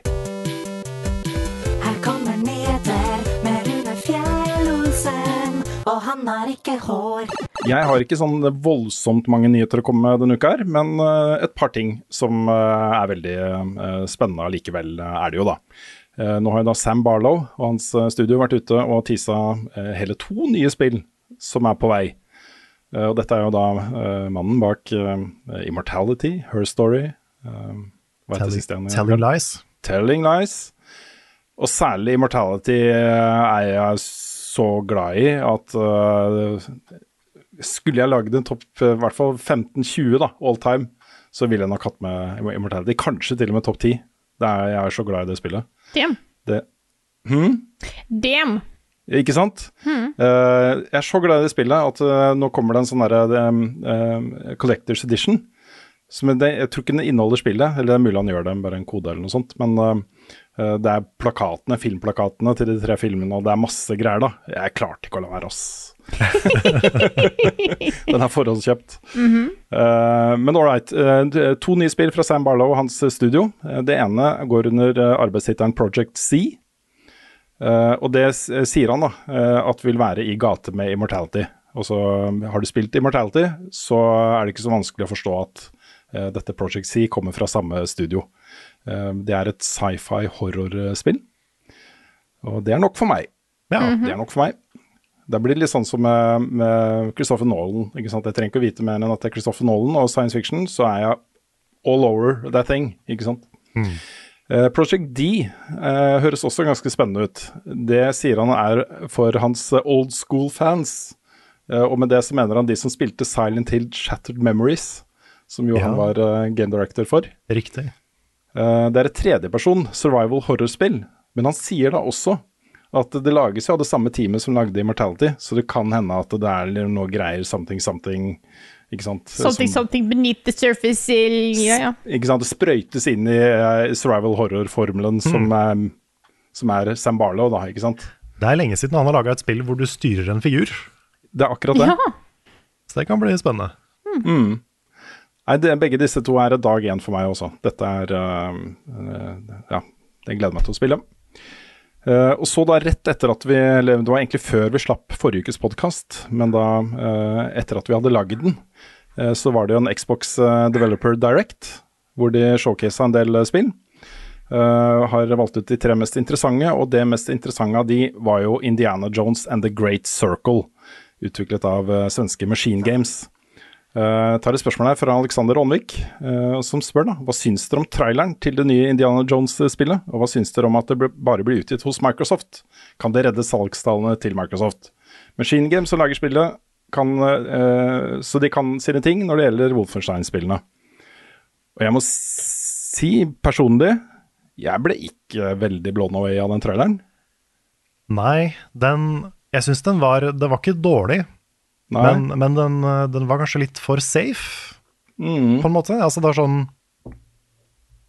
Men det er kanskje det Indiana Jones-fans vil ha. Jeg, jeg vet ikke. Det, det er liksom Det er jo satt imellom uh, to, to av de gamle filmene. Mm. Med en ung Indiana Jones, eller yngre Indiana Jones. Men med ansiktet til Harrison Ford. Ansiktet til Harrison Ford, stemmen til Troy Baker. Nettopp. Og det, det sa de ikke i traileren, men det kom liksom mer fram etterpå. At det er Troy. Baker som er han. Mm. Det er, ikke, det er ikke Harrison Ford som høres ung ut. Nei. Han har en litt, annen, han har litt mer gravelly stemme nå, så det hadde kanskje vært vanskelig. Det tror jeg kanskje hadde vært litt vanskelig. Men um, det kan jo hende det er bra. Det er jo Machine Games er flinke. De, Mm. de har erfaring med å drepe nazister i spill. ja. Det skal Det de gjøre her. Så det, Ja, det, det er mer, mer den der Jeg tenkte at også kombinasjonen Machine Games og Indiana Jones Jeg forventa å bli litt blown away av det første de viste fram av det spillet. Fordi eh, miksen, også kombinasjonen, er så kruttsterk, da. Så, så det er mer en litt sånn skuffelse over at jeg ikke ble blown away, for jeg syns ikke det så dårlig ut på noen som helst måte. Eh, Det var mer det at, eh, at den var litt, litt sånn småkjedelig. Det var ikke, det var ikke noe hype. Den klarte ikke å bygge noe særlig hype hos meg. da. nei, Det bare, bare ble jeg litt skuffa over. ja, det er kanskje liksom Det er kanskje vanskelig fordi Uncharted er så utrolig sånn big budget, trippel A pluss, pluss, pluss, at det skal mye til å imponere i den sjangeren. Jeg vet ikke. De har jo gått for førsteperson, da, og det er jo i hvert fall noe Mm. annerledes. Men, eh, men også, også har de pisken, og pisken kan hende er kjempegøy. Ja, Det jeg ble mest gira for med det spillet, fikk jeg vite etterpå. Eh, eller eh, Det er mulig de toucher innom det og forklarer det litt i traileren også, men plottet her er jo en sånn plott som jeg er fryktelig glad i. da. Altså Det tar utgangspunkt i at du har alle disse der, eh, eh, svære, fantastiske byggverkene fra forskjellige sivilisasjoner rundt omkring i verden, men de er bygd i en sirkel ikke sant, som går rundt hele jorden. Yes. Det er det Jeg får gåsehud bare av å snakke om det. Det er dritkult. Så en perfect circle. Det er derfor eh, navnet, nå. Uh, The Great Circle. The Great Circle. Eh, vi fikk også en lanseringsdato på uh, Senua's Sacrifice, Hellblade 2. Det er allerede 21. mai. Der hadde jeg egentlig forventa høsten på det også. Eh, og så ble det vist fram et nytt uh, spill fra et studio uh, som ble grunnlagt av tidligere Firaxis-folk, eh, som har sittet og jobba på Civilization. Eh, og det er ikke så vanskelig å skjønne at de jobba på Civilization før, men det de viste fram, et, eh, et eh, strategispill som heter Ara, History Untold, som jo svarer på spørsmålet eh, hva, om vi, hva om vi tar Civilization, og så legger vi til en del ting som en del fans ønsker seg i Civilization. Uh, og så sprøyter vi inn noen unike uh, ideer som gjør at det skiller seg ut. Uh, men det skal fortsatt gi liksom den samme følelsen av å spille et bra Civilization-spill. Er er det en ok analyse? Du kan mye mer om Civilization enn meg, Carl. Jeg syns det høres riktig ut. Mm. De, var, ja, de, de, var liksom, de viste fram eh, noe som så Det så ganske Civilization ut, samtidig som det var noe litt annet. Kanskje sånn annerledes på samme måte som Humanity er annerledes. Mm. Eller blander jeg Humanity, Humankind? Jeg blander de to. Ja, det er ikke Humanity, for det er den eh, hvor du Ja, det er det med hunden. styrer disse massene. Ja, stemmer. Ja, stemmer. ja, det er Så Humankind, ja. Humankind er det jeg tenker på. Mm. Det skal komme da høsten 2024. Um, vi fikk se et par andre ting eh, der også, men det er i hvert fall de tre største nyhetene fra den. Så uh, tror jeg da at vi skal se ganske mye mer av Xbox-ting um, etter hvert. Ja, Um, kan vi snakke litt om det fjerde spillet de viste? Avowed? ja, for det var Avowed, og så var det et, et JRPG. uh, Ja, det var det nye Mana-spillet. Som, eh, som bare liksom De bare nevnte at det kom på Xbox. riktig. Avowed Ja, vi har vel vi gjerne hørt om om før. Ja, fordi vi nevnte at Indiana Jones ikke solgte oss helt. Avowed solgte meg ikke i det hele tatt. Eller blander jeg med noe annet? Jeg bare syns navnet hørtes likt ut. Det er det Kjent som, eh, ja, det er, det er det som eh, ser ut som Skyrim. Ja. Obsidian. Obsidian. ja. Mm. Ja, nei, altså, jeg, eh, da vi satt og lagde disse 2024-listene våre, uh, så hadde jeg forventa at jeg kom til Avowed på min topp ti. Mm. Og så satte man ned og så begynte å studere det de hadde sluppet da, av, eh, av video og presentasjoner av det spillet. Og da satt jeg med akkurat den følelsen. Er at ja, det er noe her, men jeg blir ikke helt solgt på det ennå. Nei. Nei, jeg, hadde forventa, når, vi- når vi skulle få se Woud igjen, for det var jo liksom en stund siden jeg føler jeg har sett det, at det skulle imponere litt, da. Men så var det liksom et combat-system som så litt stivt ut, hvor de, de viste igjen og igjen at du banka noen sånne lizard-folk. Og så var det en sånn quest som kunne ende på mange forskjellige måter. Og, så De solgte det som om vi ikke fikk Skyrim for over ti år siden og nettopp har fått Baldur's Gate, på en måte. Det, var sånn, det føltes som et litt sånn utdatert konsept, nesten. ja. Kan dette, kan dette være et eksempel på et, eh, et spill hvor utviklerne sitter og bare banner i skjegget fordi Baldur's Gate 3 var så bra? Det tror jeg. Ah, Ja, det kan være det. Altså. Det, Det- det er for seint, de kan ikke gjøre noe med det. De er jo allerede liksom på kursen til å lansere det. Og, Mm. ja, det er altfor kan ungt. godt hende det blir kjempebra, altså. At det blir liksom et bedre Skyrim, for alt jeg vet. Men mm, de klarte ikke helt å selge det på den presentasjonen, følte jeg. nei. Nei, vi får uh, se. Det er liksom det, Jeg går liksom og venter på den der ketsjup-effekten av alle disse oppkjøpene til uh, Microsoft. Og vi har fått noen hint da, om ting som kommer. Mm. Det, mm, eh, jeg vet jo det kommer et Fable-spill, og det kommer et nytt Rare-spill, og det kommer Blade-spill fra Arcane, og det er mye greier som kommer, da. Mm. Kanskje Nå- Perfect har Dark en dag. Ikke sant? Jeg, nå, har jeg lyst på, nå har jeg lyst på en sånn tradisjonell eh, etere Xbox-pressekonferanse, hvor de bare tar fram alle de største trommene de har, og bare pøser på. Det har jeg lyst på nå, altså. Fordi mm. um, det- jeg syns liksom ikke jeg, jeg, jeg får ikke nok med disse dryppene her og der, da. Jeg vil at de skal bare samle alt de kommer med nå. Bare dytte det i trynet mitt. Mm. Uh, sånn at uh, jeg og alle andre kan få et litt bedre oversikt over hva de faktisk jobber med. Og så er det noe vits å bli Xbox-kunde da, i årene framover. Liksom. Er det, hva er det de har tenkt å levere? Um, jeg, Jeg- trenger det. Ja, jeg, jeg likte at de avklarte at Hellblade 2 blir ca. like langt som Hellblade 1. Mm. For det tror jeg ikke de hadde sagt før. Nei, du hadde hørt det fra meg og Nick, da. Ja, men det, ikke, fra, ikke fra de. så så det, var en fin, det var en fin bekreftelse på at liksom, dette er scopet. En fin sånn forventningsavklaring. Ja. For jeg, når jeg hører Senuas saga, så tenker jeg ok, dette er et svært spill. Men da er det ikke det. Det er det samme. Ja, er det Senua Saga eller Sacrifice? For Sacrifice var det første, var det det? Sacrifice var det første. Ja, jeg sa feil i stad. Beklager. Jeg ble eh, korrigert på det i en annen sammenheng også, så det var Aha. dumt at jeg gjorde samme feilen igjen. Eh, Det er veldig like navn, da. Problemet er at jeg kaller det Hellblade 2 hele tiden, ikke sant? når vi snakker om det. Så når Ja. jeg skal si hele navnet, så går det litt i surr, da, vet du. Så er jeg jo en gammel mann og, og det der. Ja, ja, ja. Og så dukka det opp en, eh, en nyhetssak eh, mens vi satt og spilte inn, som eh, vi eh, rett og slett bare bestemte oss for å spille inn etter at vi var ferdig med resten av podkasten. Fordi det er eh, så stort at eh, det ville vært eh, dumt å ikke gjøre det. Eh, og nyheten er jo da at Microsoft, eh, ifølge eh, intern kommunikasjon som både The Verge og eh, Jason Schreier og andre har fått eh, tilgang til, eh, nå skal sparke 1900 ansatte i spillsatsingene deres. Og det inkluderer da også Activision Blizzard, eh, Cinemax, Xbox, egentlig alt som har med spill å gjøre i Microsoft og Xbox-satsingene deres. Og det representerer, eh, ettersom jeg kan forstå det, eh, nesten 10 av, eh, av de som er ansatt med å lage spill eller jobbe med spill for Microsoft. Um, Ja.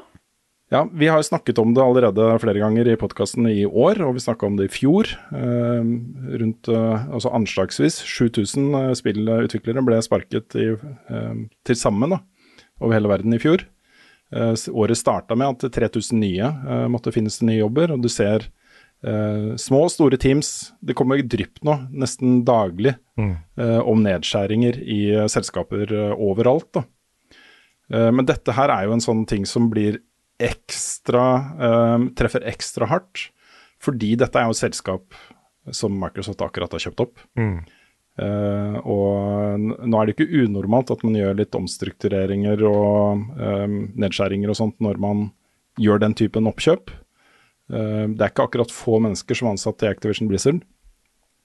Men dette er jo menneskeskjebner og um, uh, en utvikling da, som uh, jo definitivt er med på å spre liksom mye frykt og usikkerhet blant de som faktisk sitter og lager spill. Og Det kommer fram nå fra de lekkasjene som har skjedd her, at uh, veldig mange går jo nå rundt og ikke vet om de fortsatt har jobb eller ikke. Uh, og det er jo en uh, utrolig ubehagelig situasjon å være i, selvfølgelig. Ja, det må være helt uh, mareritt. Ja, fy fader. Mm. Altså at vi, vi er bare i januar, og allerede så er vi over halvveis i de allerede ekstremt høye tallene fra i fjor. Ja. Mm. Det er skummelt. Mm. Det er ordentlig skremmende, altså. Ja. Det, en av de tingene som eh, har blitt kjent her, er jo da at også Mike Ibarra, som er eh, sjef for Blizzard, eh, er en av de som ikke får være med videre. Eh, akkurat at det gjøres endringer i toppledelsen er jo, har jeg litt mer forståelse for. Ja, det er, det er det jo grunner til. Men uh, vi får komme tilbake til uh, saken neste uke hvis det dukker opp nye detaljer og sånt som er verdt å nevne her. Men, uh, men det er jo et, et sånn varsko for hele 20, 2024, tenker jeg da. At vi går inn i året med så mye oppsigelser og usikkerhet rundt disse store gigantene. Og så ser du sånne små filleteams sitte og feire åtte millioner solgte eksemplarer på seks dager. eh, i konkurranse med disse utgiftene som disse svære gigantene har. ikke sant? Mm. Ja. Det, dette her kommer vi jo til å merke konsekvenser av. Det er jo Mm. eh, altså ikke bare de som jobber med spill, men, men vi. Sånn, vi får jo ikke spillår som 2023 hvis det her fortsetter. Nei, men det, det, som nå, det som kommer til å skje nå, da, garantert, og dette er jo noe spillbransjen har fått kritikk for igjen og igjen, alltid, det er jo at man starter utviklingen av spill med team. Så nærmer man seg utgivelse, og så staffer man opp med midlertidig ansatte eh, det siste året f.eks. før utgivelse, eh, for å få det ferdig. Og så eh, får alle de mi- midlertidig ansatte, kanskje noen av de faste ansatte, fyken da, etter at prosjektet er ferdig, og de starter liksom prosessen på nytt. Med et lite team som starter grunnutviklingen, og så staffer de opp, og så lanserer det, og så staffer de ned. Så um, ja, jeg tror nok at uh, diskusjonene rundt fagorganisering og litt bedre beskyttelse av uh, ens rettigheter som ansatt i spillbransjen, uh, har nok fått en del gode argumenter uh, uh, nå, altså. Mm. Så um, ja. Kanskje vi går mot en kjempestreik i spillbransjen, sånn som film og Hollywood har gjort. Det Ja. hadde ikke vært uh, utenkelig i det hele tatt. Det er en streik jeg hadde støtta. Absolutt. Hva er dines best, hvor var fredag sist? Har Carl egentlig sopp? Ukens spørsmål. I dag så starter vi med et spørsmål fra Martin Ri, som skriver Har dere noen planer om å lage et arkiv fra VG-tida, eller er det for vanskelig å sikre seg rettighetene? Hadde vært veldig fint å ha alt samla på YouTube istedenfor å måtte bruke to forskjellige plattformer. Og da eh, Det er jo ikke så lett å finne VGTV-videoene våre. Det er det ikke. Det er sant. Nei, det ligger det også, Du kan ikke gå inn og finne en level up-kategori hvor du kan bare bla eh, kronologisk gjennom arkivet og sånne ting. Du kan finne ting da, ved å søke, og det ligger der, og det er ikke sletta eller noe sånt. Uh, men når det gjelder rettigheter, så mener jeg at vi har rettighetene på de, uh, de videoene, og hele episoden også. Mm. Vi, uh, det var jo en, en lytter som sendte oss, som hadde, som hadde da, en kopi av alle episodene. Eh, det var flaks, fordi jeg hadde alle de episodene. Jeg tror faktisk den der eksterne harddisken som jeg har de episodene på, jeg er ganske sikker på at jeg har den et sted. Men eh, jeg bare vet ikke nøyaktig hvor. Jeg tror den ligger på det lageret vårt, Carl. eh. Ja, ok. Så bare det å få kopi av det på den måten, var, det var veldig greit for oss. Så nå har vi alt. Vi har alle episodene ligger der, og vi har muligheten til å gjøre noe med det.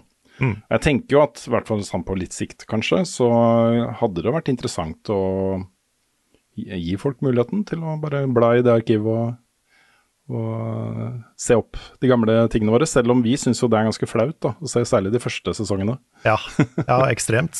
Det er sånn, Jeg har sånn nære femårs smertegrense cirka. Alt som Ja. er mer enn fem år gammelt, det er kleint. Mm, Det er skikkelig kleint. ja.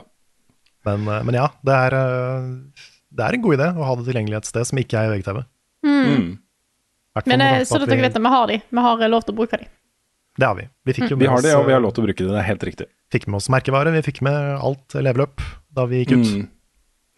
Det kunne kanskje vært noe sånn eh, Det, det kunne jo vært en ting vi kunne tilbudt eh, på Patron, kanskje, som noe eksklusivt. Det er jo ikke noe nytt innhold eller noe eh, greier. Det, bare, det kan bare ligge der for de som er ekstra interesserte, kanskje. Mm. Mm. Could be. Og vi fikk Muligens. Ja. Og litt i samme sammenheng, for nå er vi blitt eh, indie igjen. Så har vi fått et spørsmål her fra Jon Magnus Restad, som skriver Fikk dessverre ikke med meg så mye av streamene dere hadde for et par uker siden, og er litt spent på resultatet. Har skjønt at dere fikk biffa opp Patrion noe, men hvordan er egentlig ståa? Er det nok til å holde level up sånn som vi kjenner det gående i tida framover, eller vil det på sikt være for lite til å drive videre? Og hva andre inntektskilder er eventuelt på gang i kulissene? Ønsker dere all mulig lykke til på veien. Og nå er det jo ikke lenge til vi skal ha en ny og enda større stream, eh, faktisk.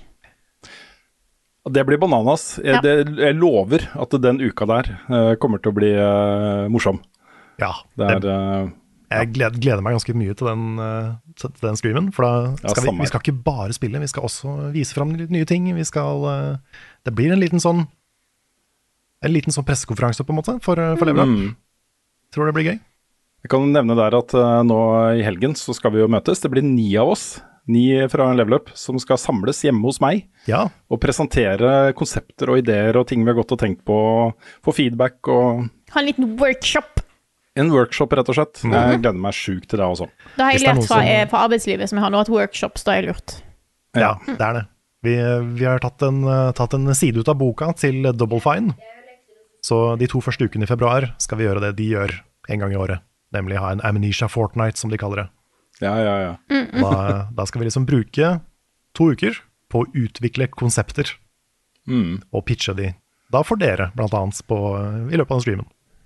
Ja, det blir kjempegøy. Det blir, eh, ja, jeg gleder meg veldig til det også. Um, men på, for å svare på spørsmålet, da, så um, vi, vi har et stykke igjen. Altså, vi, vi har ingen uh, vi, vi tenker jo ikke at vi skal bare leve av Patron-inntekter.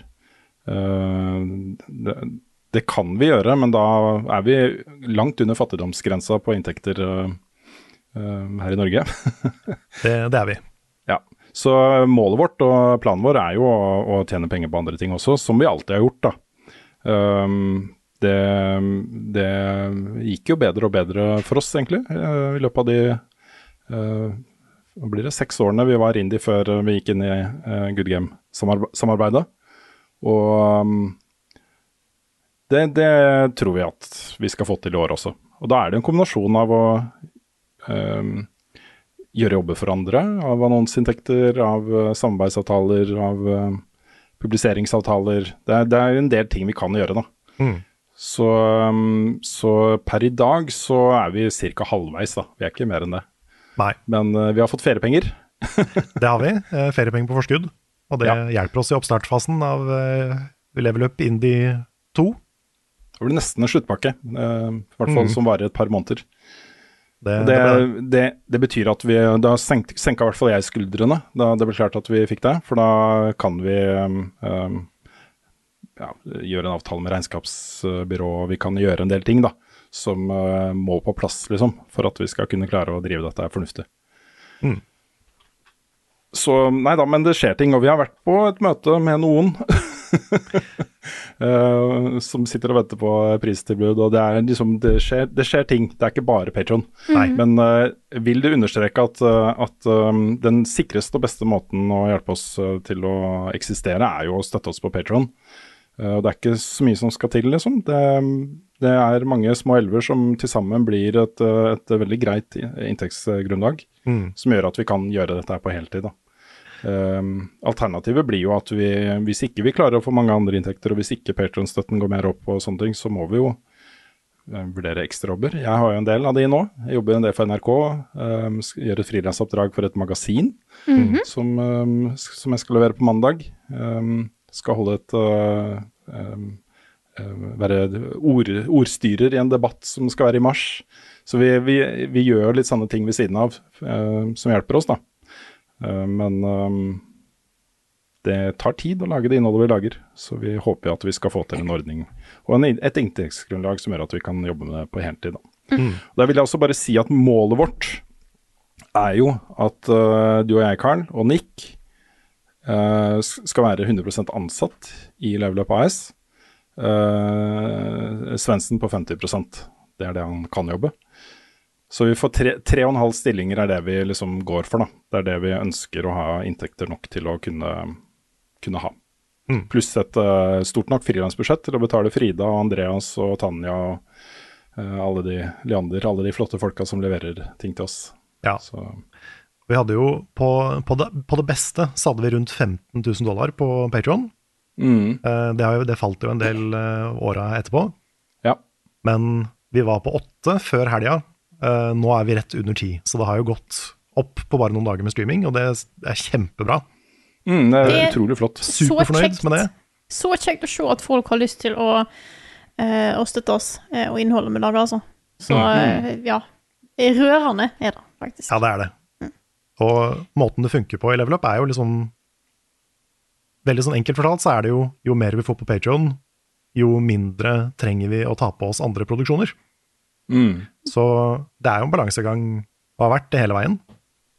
Men eh, hvis vi i framtida, da, nå er det jo trange tider og sånn, men hvis vi i framtida klarer å komme oss opp i nærheten av 15 000 igjen, så er det stabilt. Da er det, da er det bra. Mm.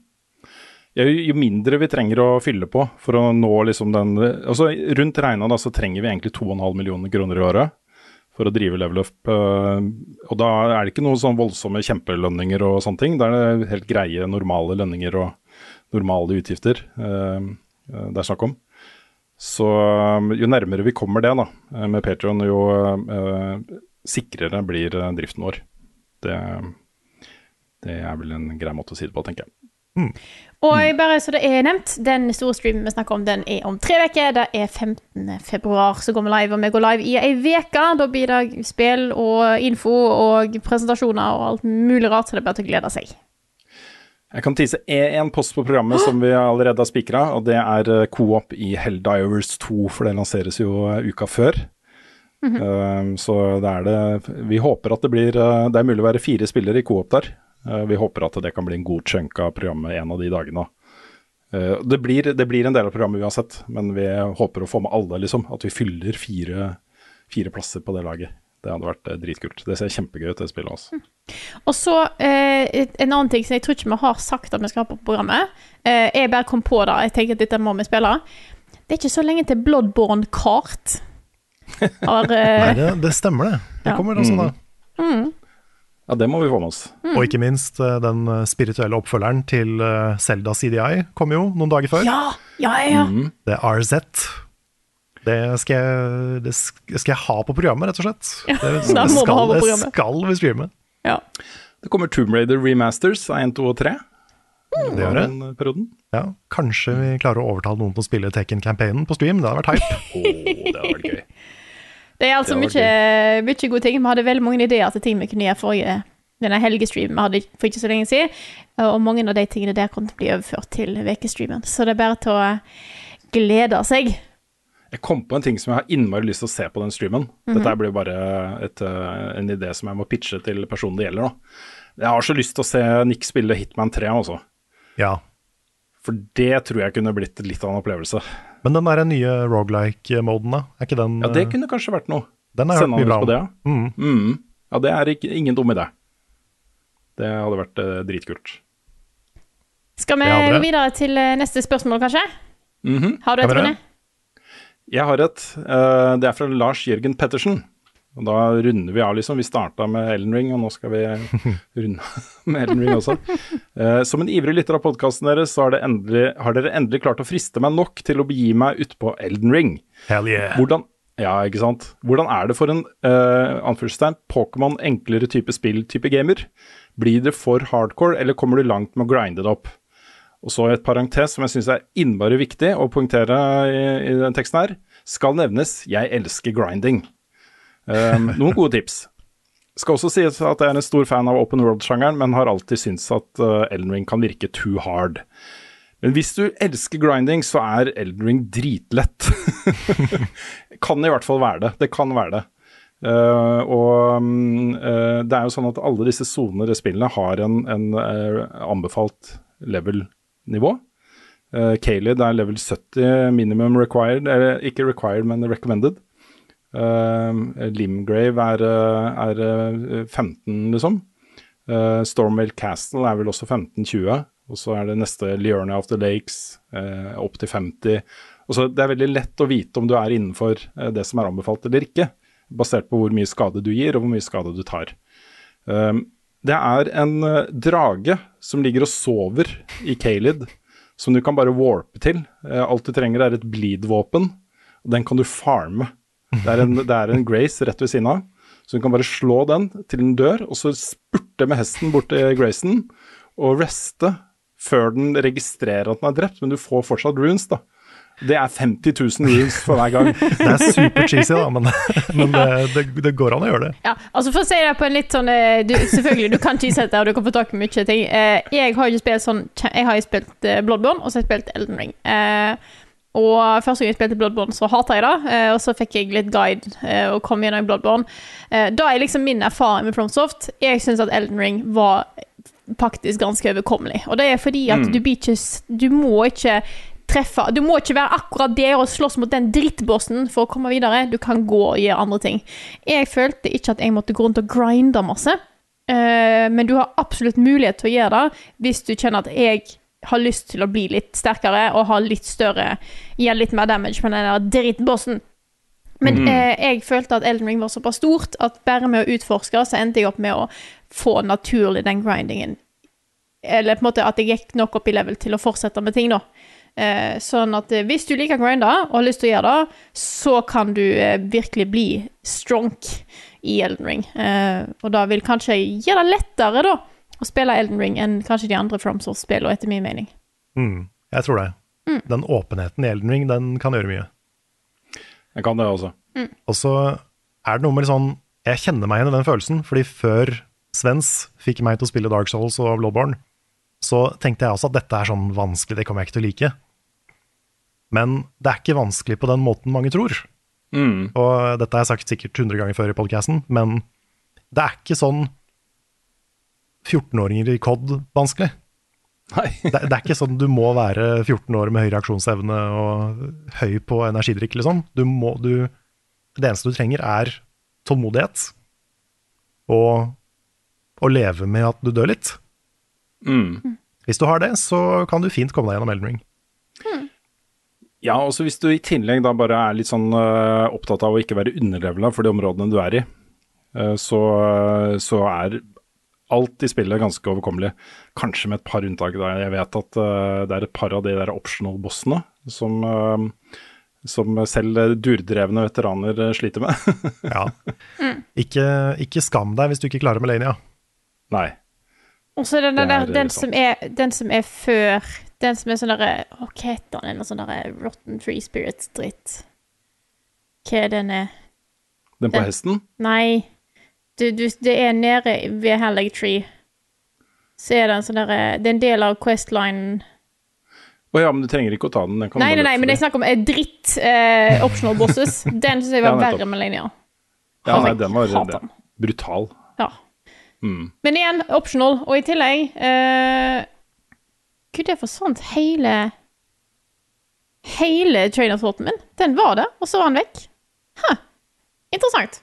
Spennende. Jeg tok jo Jeg nevnte forrige uke at jeg spilte gjennom Elden Ring en gang til i, i, i jula. og Nå følger jo ikke jeg noen guider eller noe sånt, men, men jeg har jo fått noen tips opp igjennom før.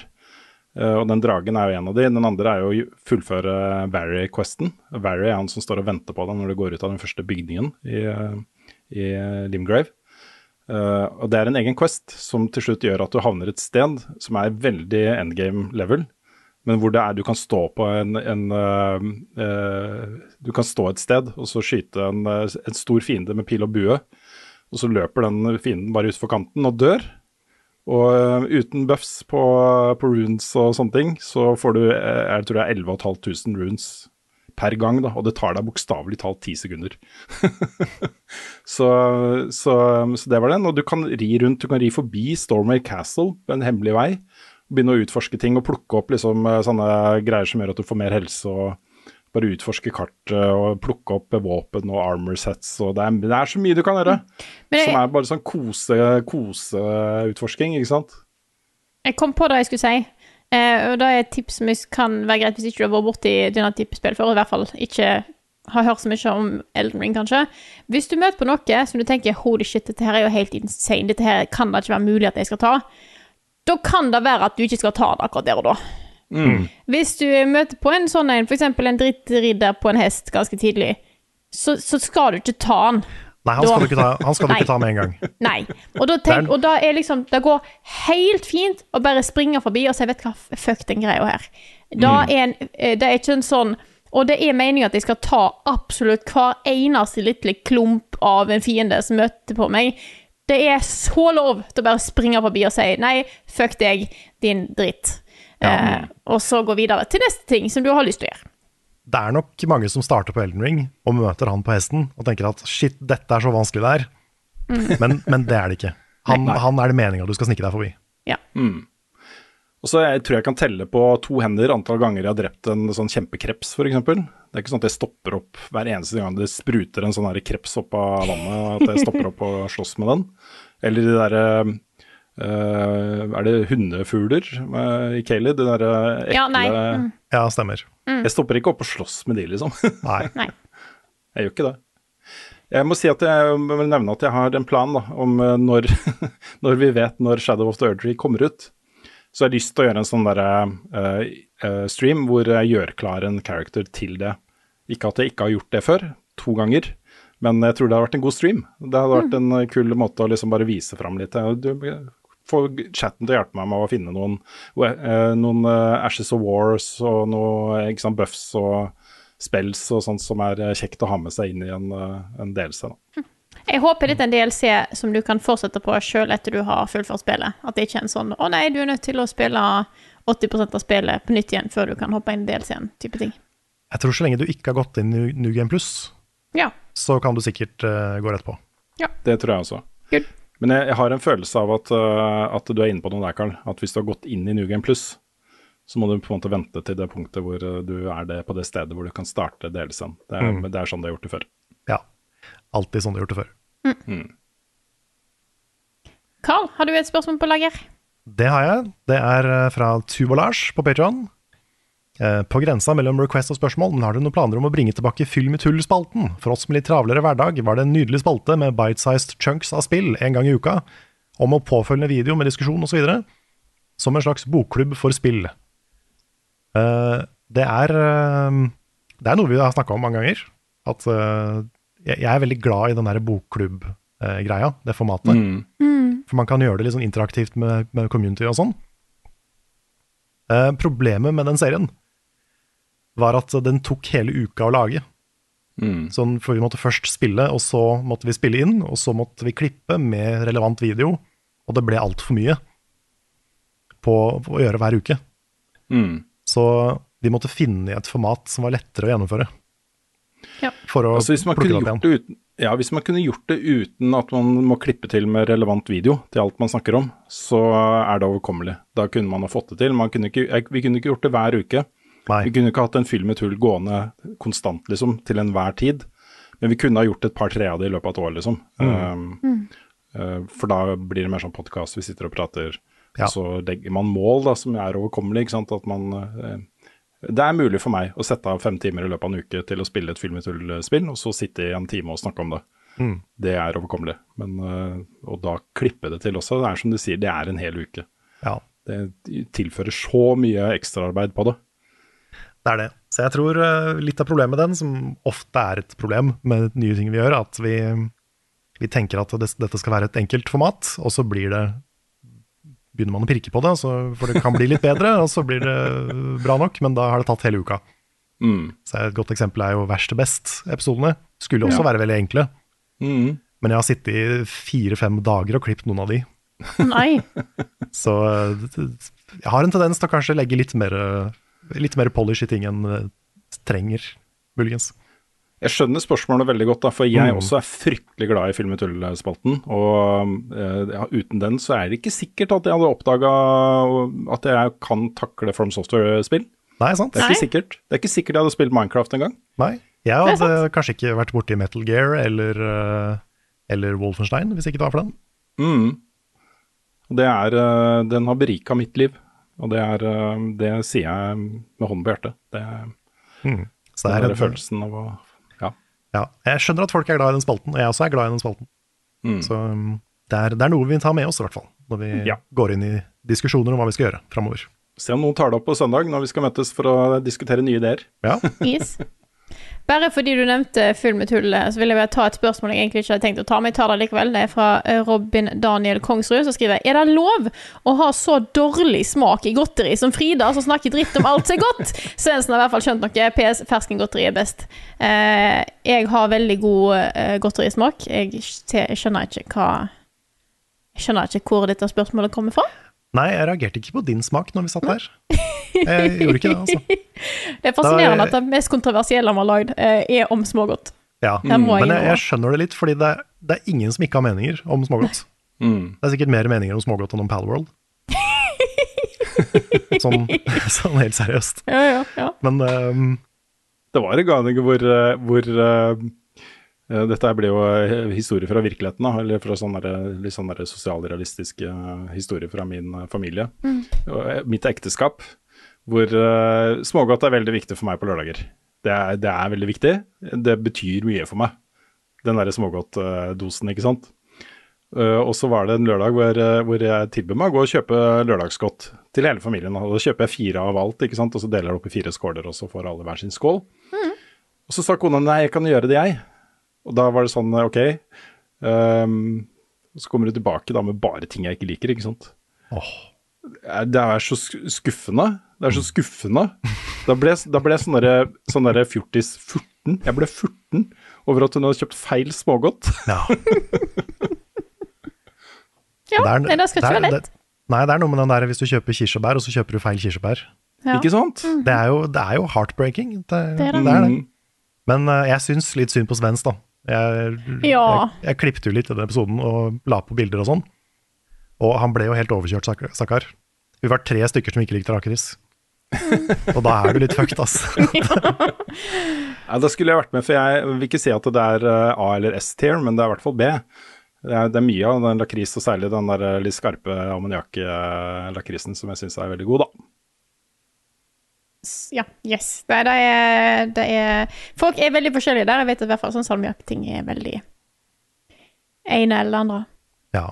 Vi får si som vi sa på, sa på streamen, at uh, hvis du er uenig med oss, så kan du spise det.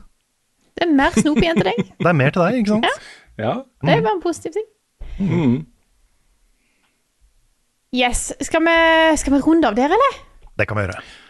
Jeg kan ikke bare ta bare en sånn uh, hjertesukk Ja, ja fra da. Silakoid som jeg deler. Ja. Okay, ja. Ja. eh, som skriver da på Patreon Hei, prøver hvert år å ha en oversikt over kommende spillutgivelser, men det er ikke lett.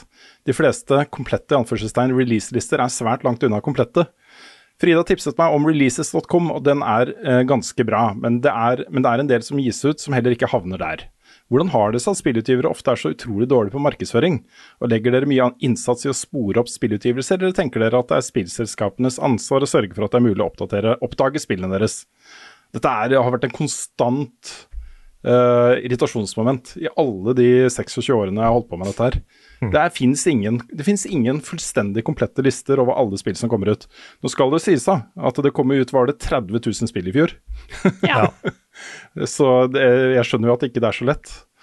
Uh, men det som, det som jeg føler er den store mangelen til uh, Den ene mangelen til releases.com som jeg syns er den beste. Det er den beste jeg har funnet, og den er norsk. Vi kjenner jo det, det selskapet som lager den lista også. Uh, det er den beste, og den er bra. Men den også har litt problemer med å fange opp de tingene som, som blir sånn derre Det kommer litt fra ingenting og blir en snakkes-type ting, da. Det er ikke alle de der indie-darlingsene som dukker opp der uh, før det er faktisk ute. Uh, og Det er sånn som jeg savner litt. Det, det å ha, hele tiden ha i bakhodet at jeg vet det er noe som mangler her. Så hvis jeg skal prøve å lage en oversikt for meg selv, og jeg bruker releases.com til å gå gjennom lister og sånt, så, så er det sånn Å ja, det Stock, Harold Halibut står ikke der. Uh, kan jeg komme på etterpå, ikke sant. Så, så det, er, det er et synd at det er sånn. Men grunnen til at det er sånn, er jo at det er jo Det er jo ikke noen Spillutgiverne har ikke gått sammen om å lage en felles ordning for lanseringslister. Og det er mye mer vanskelig å gjøre det på spill enn det er på film, f.eks. Uh, som det er mange, mange færre utgivelser i løpet av et år. Mm. Så det, dette er ikke noe lett å få til, altså. Det er ikke Google Sheet der alle spillutgivere går inn og legger inn Ja, mitt spill kom ut den dagen. Det skulle Mm. vært et sånt register som Ja. hver gang du lasta opp et spill på en nettbutikk, så ble det automatisk registrert i en, en eller annen, et eller annet system. Da. At du måtte, at EU Ja. krevde det, f.eks. Ja, det hadde liksom, fint. du er nødt til å legge inn spillet og releasedato, Mm -hmm. Eller releasevindu, i hvert fall. Ja, ja. I hvert fall det. Ja. Mm. Nei, det er, det, er, det er kjipt. Men, eh, men eh, til um, spillmediets forsvar, så det er veldig sjelden at, at jeg ikke får med meg ting, i hvert fall når det lanseres. Og så I det øyeblikket det er lansert og det er bra, så får jeg som regel med meg det også. Men jeg tenker jo litt da på alle de der 300 spillene eller hva det er som lanseres hver dag. Hvor mange av de hadde jeg digga hvis jeg hadde sett de, oppdaga de? Mm. Det er jo sikkert noen av de som bare aldri blir oppdaga.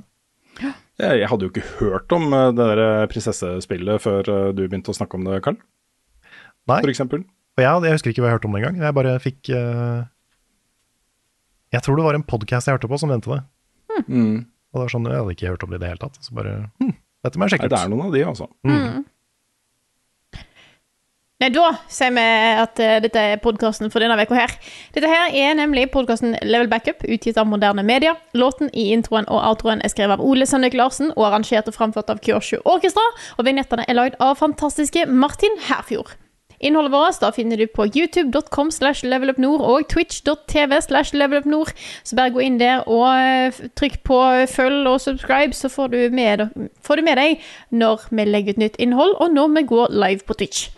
Gå og inn på discord.gg slash levelupnorge hvis du vil bli med i vår fantastiske community. Der er det veldig mye koselige og hyggelige samtaler som skjer om spill og andre ting. Og Der dukker det òg opp fanart eh, her og der, som vi nettopp har eh, fått inn enda mer av fra, eh, fra våre fantastiske dyktige eh, dyktige seere. Eh, special shout-out til Ilderart, som kommer med veldig mye bra fanart både underveis og nå etter denne streamen vi hadde. Så helt nydelig. Ja, Det er kjempebra. Tusen Ja. takk for uh, flotte tegninger. Det er ja, litt på grunn av den tegningen så vurderer jeg å gjøre Snowboard Kids til en årlig tradisjon, Ja! hvor vi spiller gjennom campaignen med én character eh, liksom hvert år. Og så kan vi liksom, For nå har Tommy fått liksom sin egen law, ikke sant? Med pap Ja. pappaen hans som ikke er noe snill og sånn. Mm. Så eh, kanskje liksom bygge ut et Snowboard Kids-univers hver vinter. Og hvis du har lyst til å se Snowboard Kids hver vinter, så er det bare å gå på patreon.com slash levelupnorge og støtte oss der, så vi kan fortsette å lage innhold om alt mulig rart, inkludert Snowboard Kids. Eh, og eh, alt det andre som, gøye som vi lager, inkludert denne podkasten her. Støtt oss hvis du har mulighet eh, til det. Da setter vi ekstremt stor pris på, så tusen takk til alle, både nye og gamle Patreon-backere. Takk for at dere gjør at vi kan holde oss flytende. Tusen hjertelig. Jeg anbefaler folk å gå inn med 69 kroner i måneden. Så kan du liksom, hver gang det trekkes fra konto, så kan du le litt, ikke sant. Så kan du si nice. Og så blir det på en måte sånn en liten fest hver eneste måned. Som du støtter uh, Up Norge. Det blir en eh, like morsom vits hver måned. Ikke sant? Hver måned. I årevis. oh, og med da så sier jeg takk for denne uka her, og så snakkes vi igjen neste veke.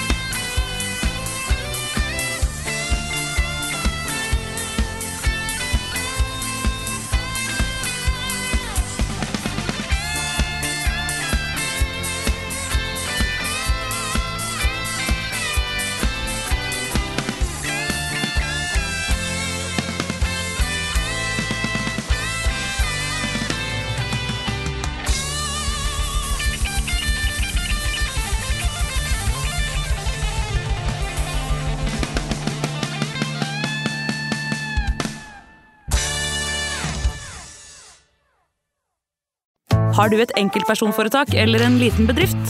Da er du sikkert lei av å høre meg snakke om hvor enkelt det er med kvitteringer og bilag i fiken, så vi eh, gir oss her, vi. Fordi vi liker enkelt. Fiken superenkelt regnskap.